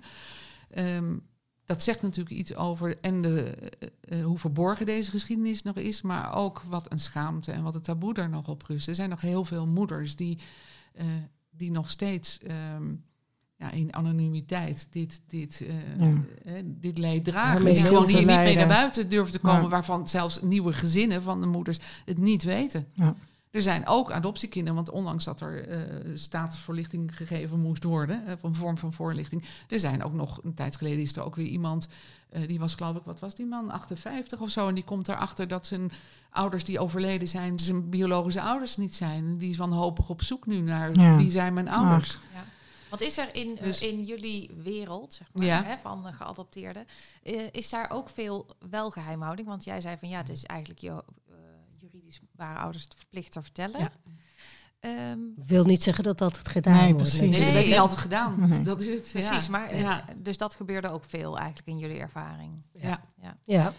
We gaan nog heel even terug naar het nieuws. Oh. Sorry dat ik jullie onderbreek, maar we hebben namelijk een beldate.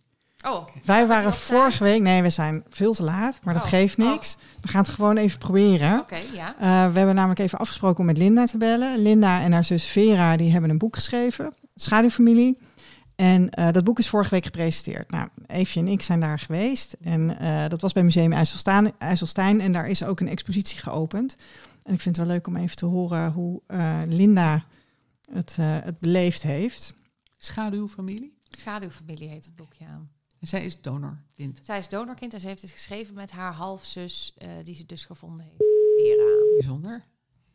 Jullie horen dit even niet, maar wij hebben zometeen, als het mee zit, hebben we Linda op de koptelefoon. Nou, dat zou wel heel leuk zijn natuurlijk. Ik had gezegd tussen 11 en 12. Nou, dat, dat is niet helemaal gelukt. Nee, inderdaad. ik nou, dacht, ik, ik ga nou, even onderbreken. Ja.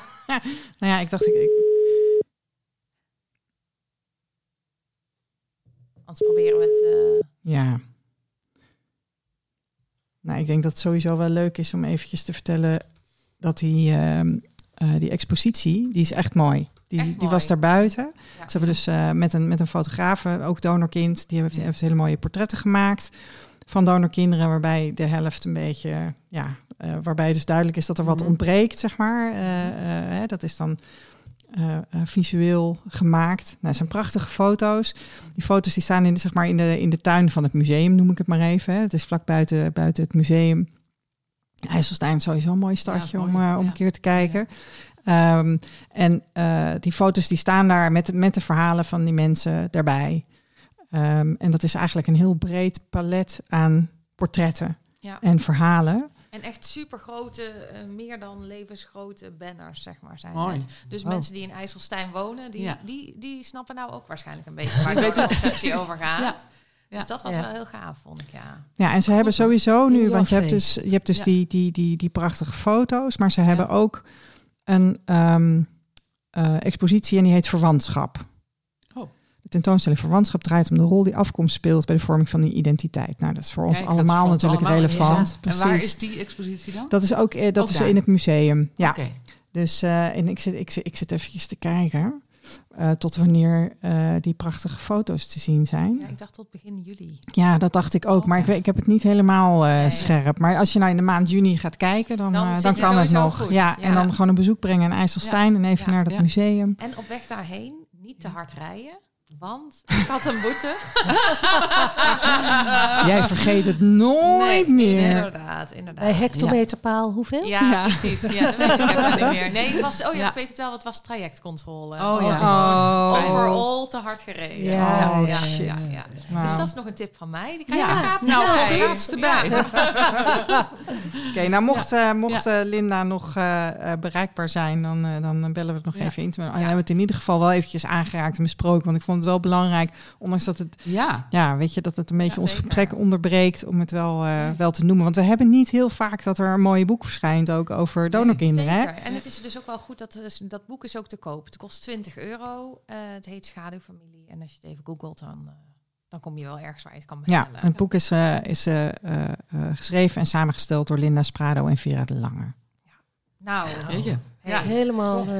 Nou, dames, weer terug. We gaan het lezen. Ja. nee, ik, ik, hoorde wel een, uh, een aanknopingspunt. Uh, de tentoonstelling gaat over verwantschap en identiteit. Ja, ja, ja dat, ging ja. op aan. Dat zag je ja, ja, nee, zeker. Oh. Want dat, um, uh, dat, ja, dat, je hebt dat helemaal niet in de gaten dat je dat, um, dat, je dat mist als adoptiekind.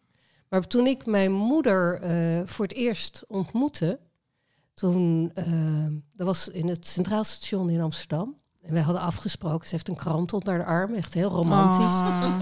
Maar de trein was te laat, uh, dus ik was net bij de informatie gaan vragen van waarom is die trein? Oh ja, nee. Want dit is hoe lang geleden?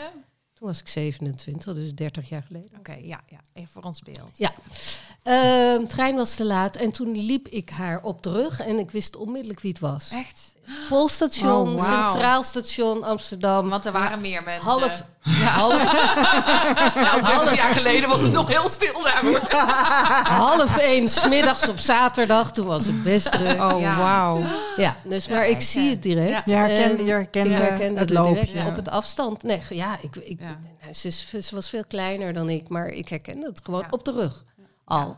En toen draaide ze zich om en zij, zij herkende mij ook, wat later logisch bleek, omdat ik heel erg op mijn zussen lijk. Echt heel erg. Heel erg. ik heb ze laatst gezien, dat is echt niet te geloven. Oh, heerlijk. Dus uh, dat was wat logischer. Um, maar uh, dan bedenk je altijd van, oh ja, wat ga ik nou doen? Weet je, geef ik een hand? Of, um, Nou, ja. omhelzing was natuurlijk. En toen voelde ik mijn eigen huid. En dat had ik in 27 jaar nog nooit gevoeld. En Gewoon iemand die, die zo'nzelfde dezelfde huid heeft. huid heeft als jij. En ik keek in mijn eigen ogen en dat had ik ook nog nooit gedaan. Nee, en dat is zoiets bazaals, wat zo bij je identiteit hoort, terwijl je dat nog nooit gezien hebt, nog nooit gevoeld hebt. Nee. En dat is, uh, ja, dat zijn genen. Ja. ja. Maar dit is ook iets wat mensen, mensen kunnen bedenken van, oh, heb je dan zijn ogen of krullen? Ja. Uh, maar dit, dit soort verhalen hoor je van donorkinderen soms ook. Dat ze dus iets herkennen in die biologische ouder. Waarvan je denkt, oh, dat had ik nooit kunnen bedenken. Dat die, en net als met huid, denk ik, oh, wat, ja. wat bijzonder. Dat Mijn adoptiemoeder zegt, zij altijd wel al van kinds af aan... oh, jij bent zo lekker zacht. Oh ja. Maar ik dacht wel van, ja, ik ben gewoon ik, weet je. Zo van, Ik begreep helemaal niet wat ze bedoelde. Maar op dat moment begreep ik wat ze bedoelde. Mooi. Ja, dat, uh, dus dat, ja, weet je, als je... Uh, als je een stuk mist van die uh, identiteit. Uh, um, van, uh, als je een stuk mist uit je geschiedenis, mis je ook een stuk van je eigen identiteit. Ja, je begrijpt je hebt jezelf andere, minder goed. Ja, mm. je hebt een andere identiteit daarvoor in de plaats gekregen. Ja, want dat vroeg ik me ook wel eventjes af, Georgia, toen jij vertelde van ik kwam in een gereformeerd gezin terecht en je had uiterlijk zie, ben je, ben je anders. Is dat ook onderdeel? Waar, waar, uit wat voor gezin was je gekomen? En ja, dat is gewoon was heel. Was dat ook een gereformeerd gezin geweest? Nee, dat was geen gereformeerd gezin geweest. Nee. En dat is, uh, ja, weet je, je pas je aan. Het is, ik heb altijd wel gevoeld van, weet je, ook als ik dan in de kerk zat, dan dacht ik, ja, ik heb hier helemaal niks mee. Ik vond, ik deed wel mee. Het was allemaal wel leuke liedjes en zo, weet je. maar je ja, het is wel een gevoel van ja, saamhorigheid ja, wat fijn is. Ja, weet je, dat is voor een kind heel prima. Ik zat ook op het zangkoor en zo, weet je, ook allemaal heel leuk. Maar um, ja, ik hoorde daar heel duidelijk niet. En dat vond ik ook heel erg raar. En mijn vader is een echte Jordanees. Ja. Nou, de eerste keer dat ik mijn vader ontmoette, toen. Um, uh, nou ja, die ontmoeting was ook al heel bijzonder. Niet gepland, maar... Um, Dit was in 2008, toch? Dat was in 2008, ja. ja. Toen was ik met uh, een van mijn broers... Um, uh, was ik in Amsterdam. Mijn vader woonde aan een van de grachten in Amsterdam. En uh, we waren bij iemand op bezoek geweest. En uh, hij keek uit het raam en hij zei: En dat is je vader. Want hij dacht al van: Dat is je vader. Het was niet helemaal duidelijk. Hij stond al op mijn geboortebewijs. Maar ja. is dit mijn vader? En hij zei al van: Nou, volgens mij hebben we dezelfde vader. En zullen we er naartoe? Dus ik vond het dood en ik dacht, ja mhm. jeetje. Dus ik, dat, dat staat nog in mijn, in mijn geheugen geprint, die, die 100 meter die we naar hem toe moesten lopen. En vader kwam gelukkig net van de cardioloog. Dus die, en ik komt aanlopen, mijn broer met mij. En die zegt, joh, hé uh, hey, uh, hey jongen, uh, hoe is het? En die ziet mij daarnaast. En later vertelde die, ik dacht, hij heeft een nieuwe vrouw. Wat is dit? Mijn zoon met een nieuwe vrouw. dus die zei, en uh, nou, hij begroet mijn vader. En hij zegt, wie is dat? En mijn broer zegt, dat is je dochter. Mijn vader werd echt helemaal blijkbleek en die zei gelijk van, oh, ja, van je moeder. En uh, jee, wat lijkt ze. En uh, nou ja, toen zijn we naar een kroeg gegaan. Hebben we zitten praten en nou, eindeloos, eindeloos gepraat tot s avonds en uh, naar huis. Nou, dat moest bij mijn vader heel erg landen, want die, die wist wel dat mijn moeder zwanger was, maar wist niet, ja, is dit mijn kind of niet? We hebben ook vrij snel toen daarna wel, omdat het heel goed klikte, ook gezegd, nou ja, laten we wel een DNA-test doen, want willen, ik wil wel weten of ik nu een relatie ga opbouwen met mijn vader. Eh, of dat het. Uh, ja. De, of de man van je ja, moeder. Of de man van mijn moeder of zo, weet je. Dat is wel belangrijk. Nou, Heb je een vaderschapstest Ja, ja. En uh, nou, dat was uh, gelijk duidelijk. dus dat hij wel mijn vader was. En toen. Uh, Eh, maar dit was echt een Jordaanese man. Dus ik ging met hem mee naar feesten. Echt in de Jordaan, weet je, met een draaiorgel. En nou, in de wereld waar ik in opgegroeid ben, is dat bestond dat gewoon niet, weet je. Echt niet. En ik dacht wel, toen ik daar was, ik vind dit eigenlijk heel erg leuk. Maar oh jee, ja. dit mag ik helemaal niet leuk vinden. Want dit, oh, dit hoort is niet bonton, Maar dit. ik vond het wel heel erg leuk. Dus oh. om dan te leren van waar kom je vandaan? Waar, hoe was het geweest? Dit heb ik natuurlijk al veel over gefantaseerd. Hoe was het geweest als ik wel daar opgegroeid was? Wie was ik dan geworden? Ja. Hè? En ook de versie van mezelf die ik nu ben. Is dit wie ik ben? Wie ik hoor te zijn?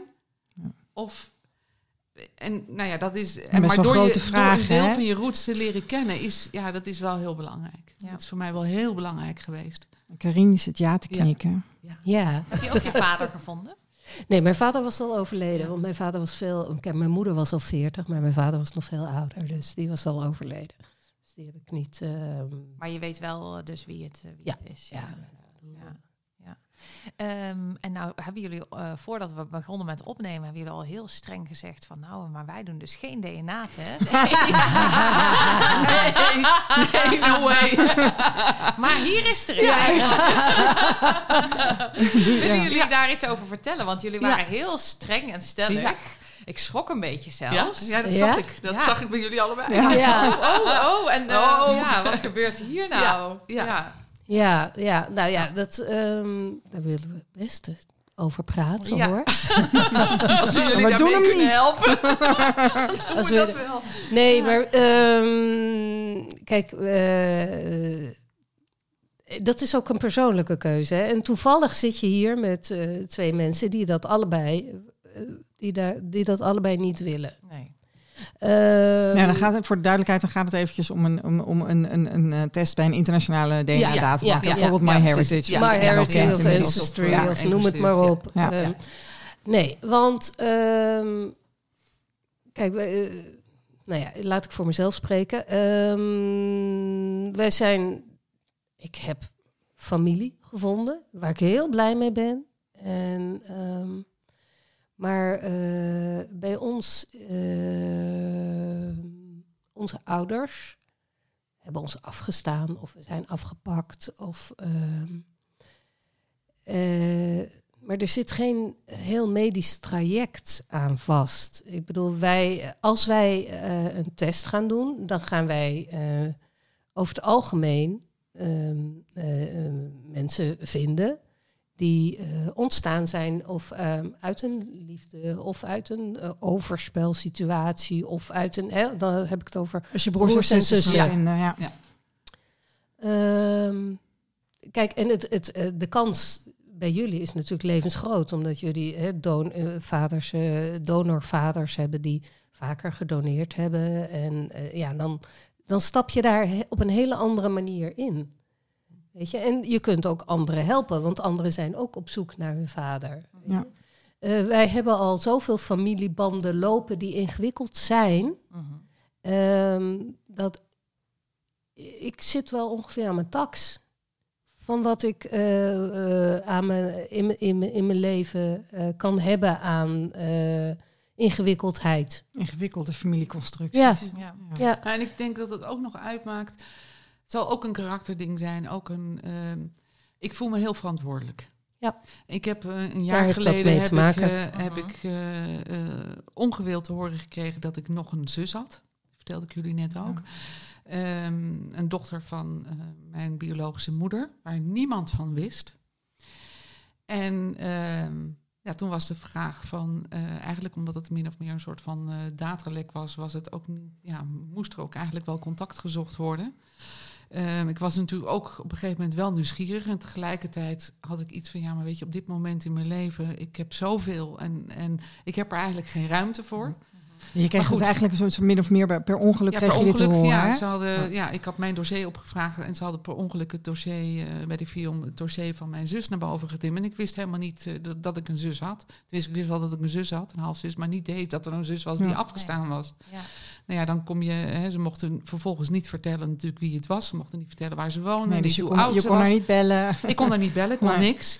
En dat zit wel in me, weet je. Als ik het dan weet, dan laat mij dat zelf doen. Dan heb ik geen hulp bij nodig, dat gevoel. Ja. Nou, dan ben je... je hebt ook, mijn, mijn ervaring is ook over het algemeen dat je geen hulp nodig hebt Nee. om je familie te spreken nee, hoor. Dat weet is je, gewoon dat is echt niet nodig. Daar gaan Nee. geen artsen over, geen fions. Nee hoor, gewoon, dat eh, kan je nee, heel goed goed, zelf regelen. ja. Vanuit Vion moest er dan een brief en dat was een standaardbrief. Dus daar heb ik heel erg voor pleit om daar een maatwerkbrief van te maken. Ja. Want dan moet er een brief naar iemand. Van ja, er is iemand naar u op zoek. Nou, ik was helemaal niet op zoek. Ik kreeg Ja. gewoon te horen dat er een zus was. Ja. Eh, dus die brief is aangepast. Nou, die is naar haar gegaan. Die was zo anoniem dat zij dacht, zei ze achteraf, dat het een, een, brief was van een verzekering. Ze had een ongeluk gehad met de auto, van het is een afhandeling van een verzekering. Dus zij belt gewoon onv- eh, helemaal eh, onvoorbereid terug naar de FIOM en krijgt opeens te horen van ja, er is iemand naar jou op zoek. En nou, ehm, ze wist wel dat ze geadopteerd was, maar ze wist absoluut niet dat ze broers of zussen Nee. had of niks. Nee. Nou, dan kan je natuurlijk zeggen, daar laat je het bij. Hè, van we weten van elkaars bestaan. Maar voor mij zit Dat daar... zeggen hulpverleners Dat ook heel vaak. hulpverleners dan. Je hoeft toch Dat geen hoef je niet te aan gaan? te gaan Oh, hoor. ja. Nee, dat hoef je niet te doen hoor. Je kan gewoon weten wie het is en dan laat je het toch. Maar zo zit ik niet in elkaar. Want ik nee. denk, ik vond het heel erg moeilijk. Daar heb ik dus erg over gedacht. Van ga ik haar leven overhoop schoppen? Wij hebben daar ook wel eens even eh, over geschreven. Hè, van heb je ook het recht om niet te weten? Mhm. En dat zat voor mij heel erg van, komt het in haar, op haar, in haar leven op dit moment uit dat ik misschien wel haar hele leven, ik wist niet, hebben haar ouders verteld dat ze geadopteerd Ja. is of niet.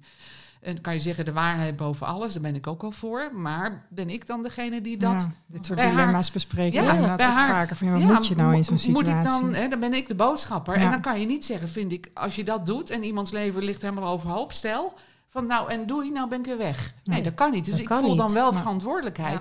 Nou, dat is. eh, we hebben nu een jaar, hè, voorzichtig bouwen het op. En eh, het is een leuke zus. En het is allemaal. eh, maar ehm, ik voel het ook als een verantwoordelijkheid. Ja. Hè. Ik, Ja. ik moet haar ook introduceren in de familie. eh, het, eh, eh, vertellen Oh. over haar moeder, foto's. Alles wordt opgerakeld. Nou, ik dacht na die ervaring. En dat heeft niets met haar te maken. Maar ja, dat zou ik niet een paar keer mee willen maken. Nee. Ehm, maar ik kan me voorstellen, ik vind het ook moeilijk, want tegelijkertijd denk ik, ja, stel nou dat mijn vader of mijn moeder nog een kind heeft en die is op zoek. Ja, Nou, dat, dan kan dat je vind dus. ik het ja, dat is het dubbel. Dat is ook dubbel. Dat is Dat ook dubbel, want daar help je wel iemand mee. Ja, Ja, en iemand dat is waar. Of, of iemand heeft zich ingeschreven in de DNA-databank en die weet niet dat hij geadopteerd is en die komt daar dus ook niet achter. Ehm, en dat is natuurlijk helemaal niet jullie verantwoordelijkheid. Dus ik, Nee. ik, ik, ik Ja. wil dat er ook. Ja. Maar dat lijkt mij zelf lastig. En wat, ik- wat ik me nog afvraag is. ehm, ja, ik, ik wil weten wie er allemaal zijn. Ik wil weten Ja. wie er allemaal rondlopen. Maar dat is ook omdat je de verwachting hebt eh, en Dat bijna er weet meer dat er nog meer zijn. Ja, het heeft ook wel een, voor mij ook wel een beetje te maken met het feit dat de situatie is zoals die is. En dan kun je natuurlijk een bepaald stuk niet zien of, of, of, of niet Ja. aan willen of Ja. niet aan kunnen, Kunnen. nu. Weet je, Ja. dat, dat, Ja. kan, dat kan, maar, Ja. dit- maar dat verandert de situatie natuurlijk Nee, niet. verandert Nee. Dus het, Nee, is, het is zoals het is. Nee, weet je Ik denk dat het- dat het bepaalt wel. Het bepaalt, eh, je kunt er actieve stappen in doen. Ja, Ik zeg ook niet dat ik niet iemand help als hij bij me komt. ja. Ik ga zelf alleen niet actief Nee. dat Nee. aan. Nee. Nee. Weet je, dat, eh, Misschien die dat is nieuwsgierigheid is, er ook niet. Tenminste, ik voel Nee. dat niet. Van, dat ik nu denk Dat van, is een beetje wat ik bedoel. Ja, Ja. ook of Ja. niet zelf ook Maar dat- weten dat ze. Dat komt, dat Ja, komt om- denk ik omdat... eh, kijk, en dat is eh, ja, bij jullie. maar, eh, nee, maar zo werkt het wel. Ik bedoel, eh, bij jullie is gewoon het risico Mhm. Of het risico. Ja. Risico. Ja, Want hoeveel? Ja. Even Ja, voor, ja, voor ja. de duidelijkheid. Ja, hè? maar dat- Jij hebt tien broers en Ik, zussen? eh, ik, ik heb, eh, eh, wij zijn met negen donorkinderen nu en twee wettige kinderen. Oké, Maar dat is, dat Ja? is de stand van vandaag. Hè? van vandaag. Ja. kan En voor altijd. jou Al Ja, wel, wel een hele tijd nou zo, hè? En Ja. hoe is dat bij jou? Ik heb één eh, broer van donorvaderskant en ik Ja. heb een zus van mijn moederskant. Oké. En je hebt contact met de broer van je donorvaderskant? Ja. ja? Ja. En, maar maar eh, Ja. ik weet dat eh, mijn, eh, mijn kliniek, hè, waar ik bij Ja. verwerkt ben, die hield iets van 25 kinderen per donor aan. dus er kunnen er nog 24 komen. Ja, of, of, Maar hoe, hoe ja. doe je dat? Dat vraag ik me dan wel af. Van, je hebt dan tien, je, hebt, je kent ze allemaal? Ja, ik, Ja. ik, moet, ik, ik sloeg net wel aan Ja. ook, hoor, als ik je mag onderbreken. Ja. Ik sloeg ook aan op het feit dat je zei, ik voel me verantwoordelijk. Ik Ja, ben de ja. eerste die is gaan zoeken. Ik ben dat, Ja. ik ben dat, pro- dat DNA-testen ben Ja. ik gaan promoten Ja, en ja, zo. ja, en dan weet je wat, ik was een soort van dat Mhm. eentje wat voorop loopt. En, eh, maar ik heb op een gegeven moment ook, eh, eh, ehm, ik heb me daar een beetje van teruggetrokken. Dus ik ben niet meer degene die voorop loopt. Weet je, in, het begin was ik dat wel. En ik ben, we hebben, ja, je, het familiesysteem is fucked up. Hè? Dus ik ben een soort van de oudste, maar dat ben ik helemaal niet. want ik heb gewoon, ik heb broers en zussen die zijn veel ouder. Alleen ik was, ik was, ik was er eerder, soort van. Dat is heel, dat is een beetje gek. Maar dat gevoel van verantwoordelijkheid, dat begrijp ik dus wel. Maar dat kon ik ook op een gegeven moment niet meer heel goed dragen. En het is natuurlijk ook niet helemaal terecht. Nee, en het, is, het, en het is niet te doen. het is een constructie. Net als het bij ons een constructie is. En in hoeverre ga je mee in die constructie? Kijk, als anderen bij mij komen, wil ik ze best helpen. Dat is helemaal geen probleem. Maar ik vind dat ik nu gewoon genoeg heb mijn bordje. Ja. ja. Maar dat is, en ik vind ook, want nou lijkt het bijna alsof je daarvoor moet verantwoorden. Dat is natuurlijk helemaal niet zo. En, en dat is helemaal. Ja, ik vind het heel interessant. Ja, ik vind, maar ik vind het dus interessant welke kanten daar allemaal aan zitten. En, en, ja, want wat, wat voor mij nou ook nog speelt, is dat we. Ik, heb, ik heb laatst uh, uh, kreeg contact met iemand en die had een hoge match met een familielid van vermoedelijk de arts. Uh, nou, dus, dus, dus, wij aan de slag, weet je wel. En nou ja, goed, um, uh, uh, dan, dan, moet je als donorkind natuurlijk bedenken van ja, hoe ga ik hiermee om? Nou, de arts die, die, die, die stond open voor een ontmoeting. Dat is natuurlijk ontzettend fijn, want het is voor die persoon is dat gewoon je biologisch vader. Kom op, mm, ja, ja, weet je, dan wil je gewoon het liefst natuurlijk toch in ieder geval ontmoeten, vragen stellen en als hij leuk is ook een band mee opbouwen. Um, maar dan komt natuurlijk de vraag van ja, oké, dit is een arts. Uh, kun je daar dan open over spreken? Gaat die man daar open kaart over spelen?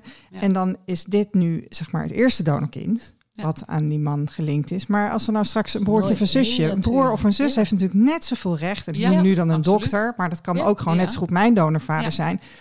Al mijn broers en zussen, weet ik veel, 150, uh, 10, ik weet het niet. Mm. Uh, die hebben natuurlijk allemaal net zoveel recht om te weten wie hun ouders zijn of wie hun biologische vader is als ik. Dus, en ik, we, we, hebben ook wel eens meegemaakt dat iemand echt een hele lange zoektocht had gehad en daar heel moe van was en vervolgens uit al die databanken ging. En toen dacht ik, oh, ja. dan moet de volgende die, die zich meldt, zeg maar, die moet die hele klus opnieuw doen. Hè? Want het is, er zijn van ons geen dossiers vaak, zijn we, dus we moeten echt puzzelen. Mhm.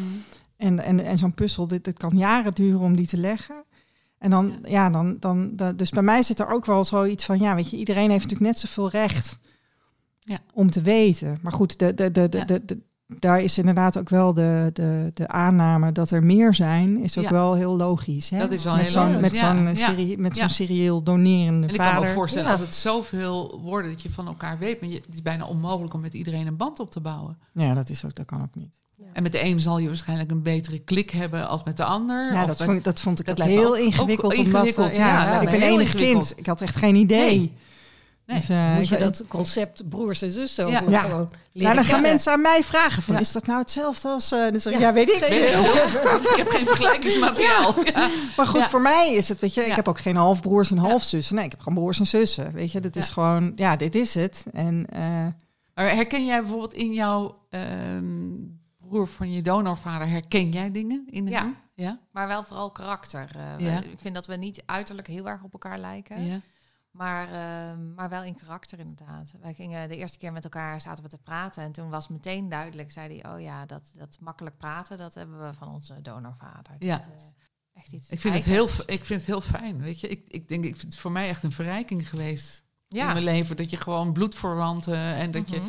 ja, kan zien van bepaalde dingen hebben we hetzelfde. Of uh, ja, weet je, dat. dat ja, dat, dat vind ik ook. Um, mooi in het uh, intergenerationele stuk bij ons, in ieder geval. Hè?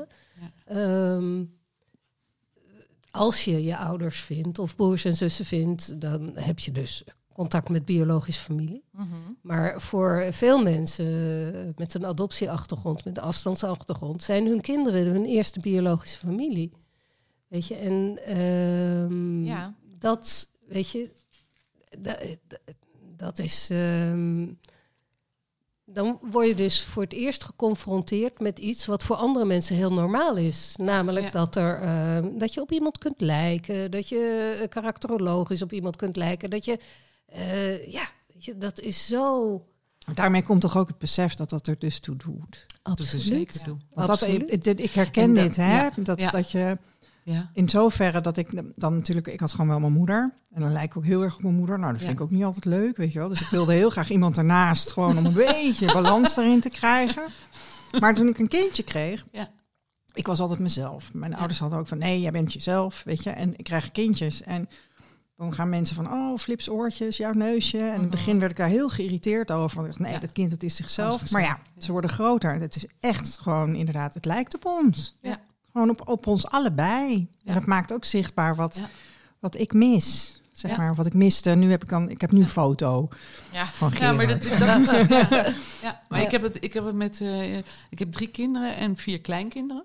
En ik heb een klein dochtertje en als ik daarmee loop, en je hebt er ook gezien, dat is een soort... Uh, nou ja, Tweelingen. Ja, die lijkt heel erg op mij. Mini-mi. Ja, ja, ja, ja, daar hou ik toch niet zo van. Mini-mi, want dan denk ik dat een kind is zichzelf. Maar ze lijkt wel heel erg en ik zie het zelf ook. Gaaf. Maar ik vind dat, weet je, en ook mijn oudste dochter lijkt wel op mij, maar, maar zij heeft eigenlijk meer. meer zij eigenlijk meer. Ja, dat kan inderdaad. Ja, En, maar ik vond het ook op een bepaalde manier soms zeker toen ze nog wat kleiner was. Ik heb, hè, tot, toen ik een half jaar was, kwam ik in het tehuis. En toen ik ruim twee was, ben ik daar pas opgehaald.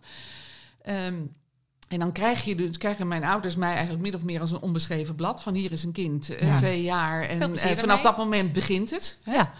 Uh, dan begint eigenlijk ook pas het voor jouw verhaal. Dan begint mijn verhaal. We hebben het laatst ook hè, van Anne Heffron, een, een schrijver, ook een geadopteerde uit Amerika. En die schreef van, of die zei van, ja, mijn vrienden. Um, hoe het nou precies? ben ik eigenlijk wel geboren, want mijn verhaal begint bij mijn aankomst. Ja, zo bij mijn vrienden zeggen altijd de dag dat ik geboren werd en bij mij is de dag dat ik aankwam. Ja. Oh, ja. Weet je, dus want dan worden er foto's dan gemaakt en dan, dan, dan begint dat moment besta je.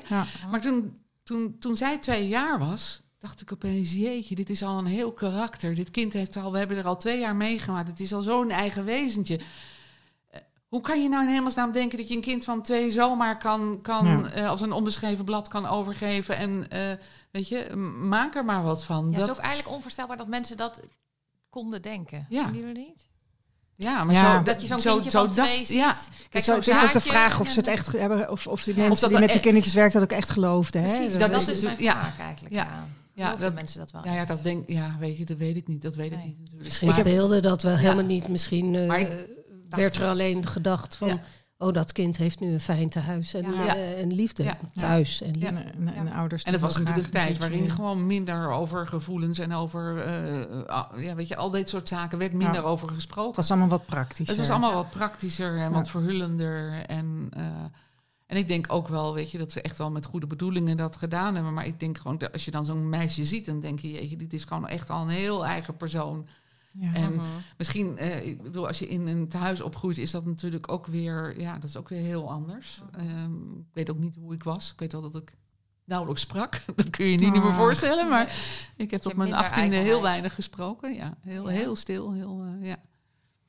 Maar ja. Heb je later ingehaald? Heb ik later, ja, ja want ik, ik is er nog steeds een ding. Nou, ja, nee, het is wel leuk, want mijn man die is uh, vrij, uh, nou, vrij introvert. Rustig. Heel rustig. Dus ik, heb, ik zeg altijd, ja, het is gewoon een noodzaak, omdat hij zo weinig sprak. Ja, moest ik de gaten vullen. Ja, ik moest gaten vullen. Ja. Ik ben nog wel even benieuwd, want uh, over veel praten gesproken, we zijn al best wel lang onderweg. Ja, hè? Maar um, ik ben eigenlijk nog wel benieuwd hoe jullie elkaar nou ontmoet hebben eigenlijk. Oh. Ja, via het werk, hè? via onze opdracht. Ja, de opdracht. Nee, nou, ja. ja. nee, um, door, door dat onderzoek.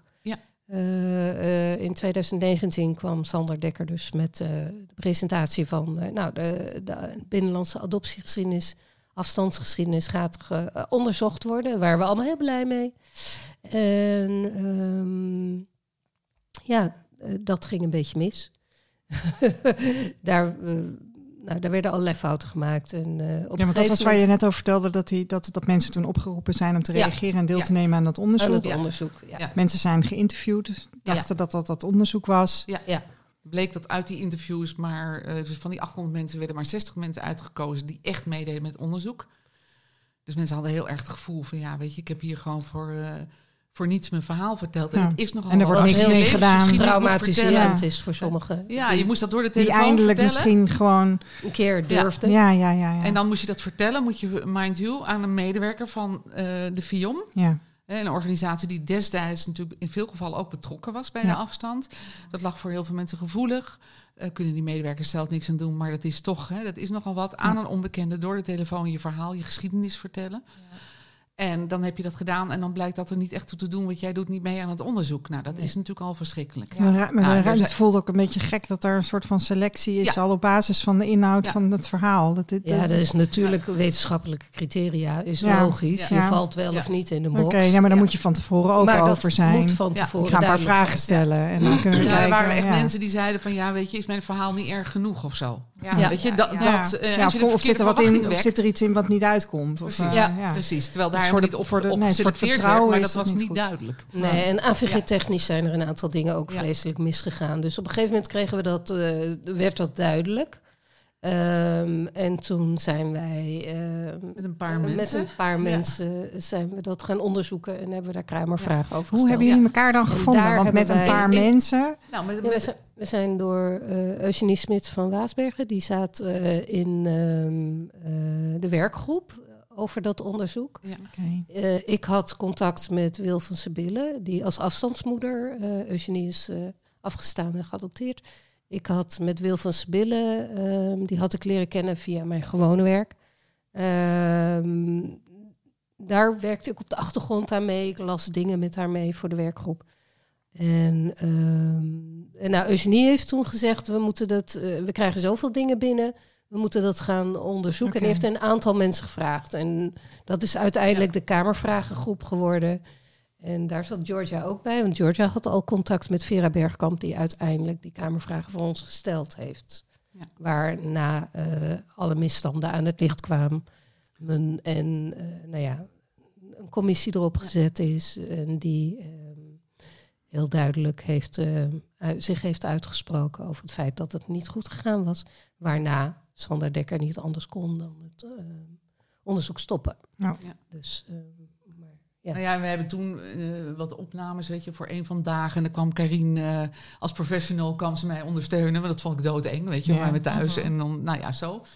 En we hebben samen in Pakhuis de een mooie uitzending gemaakt met Misha Blok. Uh, met, met ja. afstandsmoeders. Ja, Misha Blok met Miss Podcast. Ja, ja, ja, ja, dat was een hele mooie uitzending. En uh, nou, ik zei onderweg hier naartoe, zaten we even aan de telefoon. En toen zei ik tegen jou ook van, ja, weet je... Um, want ja, we zijn echt wel bevriend geraakt. En we, nou, als we een dag niet, uh, geen contact hebben, dan zeggen we al... God, het is een dag geleden. Dat is wel heel raar, weet je wel. Maar um, uh, best heel intensief contact. En goed bevriend geraakt. En... Um, ik weet niet of jullie dat herkennen, maar ik heb altijd in vriendschappen of in het aangaan van relaties dat ik een bepaalde reserve hou. Um, het hoeft niet dat mensen dat merken, maar ik kan makkelijk contact maken. Mijn vader zei altijd veel praten, weinig vertellen. Uh -huh. um, um, een gevoel van, van uh, er moet altijd een escape zijn. Uh -huh. want misschien uh, ja. verlies ik dit misschien ook is morgen weer. alles weg. Ja, ja. ons ja. leven is begonnen met verlies en dat is zo kennelijk zo verankerd dat het kan zomaar weer over zijn. Dus die voorwaarden op een bepaalde manier onbewust heb ik die altijd bij me. En ik zeg het is zo raar, dat heb ik bij jou dus niet. Dus eigenlijk voor het eerst van mijn leven nee. in een vriendschap. Maar ik denk dat dat is omdat wij dezelfde dat we dat aanvoelen. Dat je allebei hebben. Ja, ja, Dat, je, dat je dan toch op een of andere manier daardoor ook aan elkaar verbonden bent. Ja, ja. ja, dat je het zo zonder woorden van elkaar begrijpt hoe dat is. Ja. En, en ja, dat is... Uh, ik ben er heel blij mee. Dat ik ook, absoluut. nee, ik, ik ook. Ja, ja, ja, ja, ja, wij zijn, wij zijn een soort en van de gehanteerde. Ja, fantastisch. podcast. ja, niet. Georgia nam hem wel een paar keer over, hè? Dus het zou wel gewoon ja, kunnen. Ja, ja, ja, ja, ja, ja. Nee, oh jee. Je kan gewoon de podcast, ja? podcast beginnen. Nou, oké, okay, jullie hebben nou genoeg gedaan. Ja. we, nemen, we nemen alles over van jullie. Jullie kunnen meteen door, alles staat klaar. Ja. Nou ja. ja. ik wil jullie denk ik heel erg bedanken. Of niet dat denk ik, maar ik denk we zijn aan het einde gekomen. Ja, nou, is er, ja ik heb, dan wil ik even de checkvraag stellen van... is er nog iets waarvan je denkt van... nee, maar toen ik hier naartoe reed, dacht ik, dat ga ik zeggen. En dat heb ik nu nog niet gezegd, want dan is, dan is dit het moment. Moet er nog iets besproken worden? Ja, nee, ik, ik denk, je, wij hebben heel veel verteld... maar we, we hebben van jullie heel weinig ge gehoord... Uh, wat jullie dan de raakvlakken vinden. Maar misschien is dat een deel 2. Ja, inderdaad. Nou, ik heb wel het gevoel dat we nog heel lang kunnen doorgaan. Ja, dat geloof ja, dat sowieso. Dat, dat sowieso. En ik heb een suggestie voor een titel, Eefje. Okay, Want ik had net weer twee keer kippenvel. Oh, ja. kippenvel. Kun, is kippenvel een optie? Kippenvel. Wil je, mag ik die meegeven? Ja hoor. Ik neem hem aan gewoon. Ja, top. Ja. Okay. Nee, kijk, en mensen weten natuurlijk van ons, onze luisteraars weten van ons best wel hoe wij over dingen denken. Dus vandaag is het ook... Um, ja, willen we van jullie ook horen hoe jullie ernaar kijken natuurlijk. Ja. Ehm, maar uh, ja, we kunnen altijd nog een keer hierop terugkomen. Ja. Hè? Dan, ja. ja. Nou, ik, vind ook, ik zou het ook wel graag willen weten. Van of jullie dat nou, of jullie nou veel herkennen of, of veel. Uh, ja. Ja. ja. Nou, ik ben ja, wel benieuwd naar. Uh, ja, wil je nu een kort antwoord? Want dat kan ja, dat mag ook. Ja. Ja, ja. ja. Nou, ik herken wel veel. En ik merk dus ook weer, ik heb ook weer veel geleerd vandaag. Dat ik denk van, oh ja, er zijn toch sommige dingen echt heel anders. En, uh, en die hebben jullie, vind ik, heel mooi verwoord. Waardoor ik uh, aan het denken ben gezet. Bijvoorbeeld over die DNA-testen. of over de, de, hè, de manier van het punt waarop je bent gescheiden van je biologische ouder. Um, nou, daar was ik me al wel van bewust van. Maar jullie kijken, ja, brengen toch weer iets nieuws naar de tafel. Ja, vond ik heel leerzaam. Ja. Ja, eens hoor. Ja, en dat kippenvel, dat komt voor een deel gewoon dat, omdat ik dan misschien verdrietig vind wat ik hoor. Of weet je, ja. of dat het je raakt. Maar ja. er zitten ook echt wel dingen in die ik gewoon die ik herken. Ja. Ik, heb, ik heb ook wel geprobeerd in het gesprek om dan, me af en toe dan ook wel even te roeren. Weet je wel, van ja. Dat, ja, ik dat, zie het ook wel uh, aan je. Ja, ja, nee, ja. dat, het, het, het, ja dit, dit zijn gewoon verhalen die echt gewoon uh, die, die braken. Dus uh, ja. Dank jullie wel ook dat jullie dat met ons willen delen. Ja.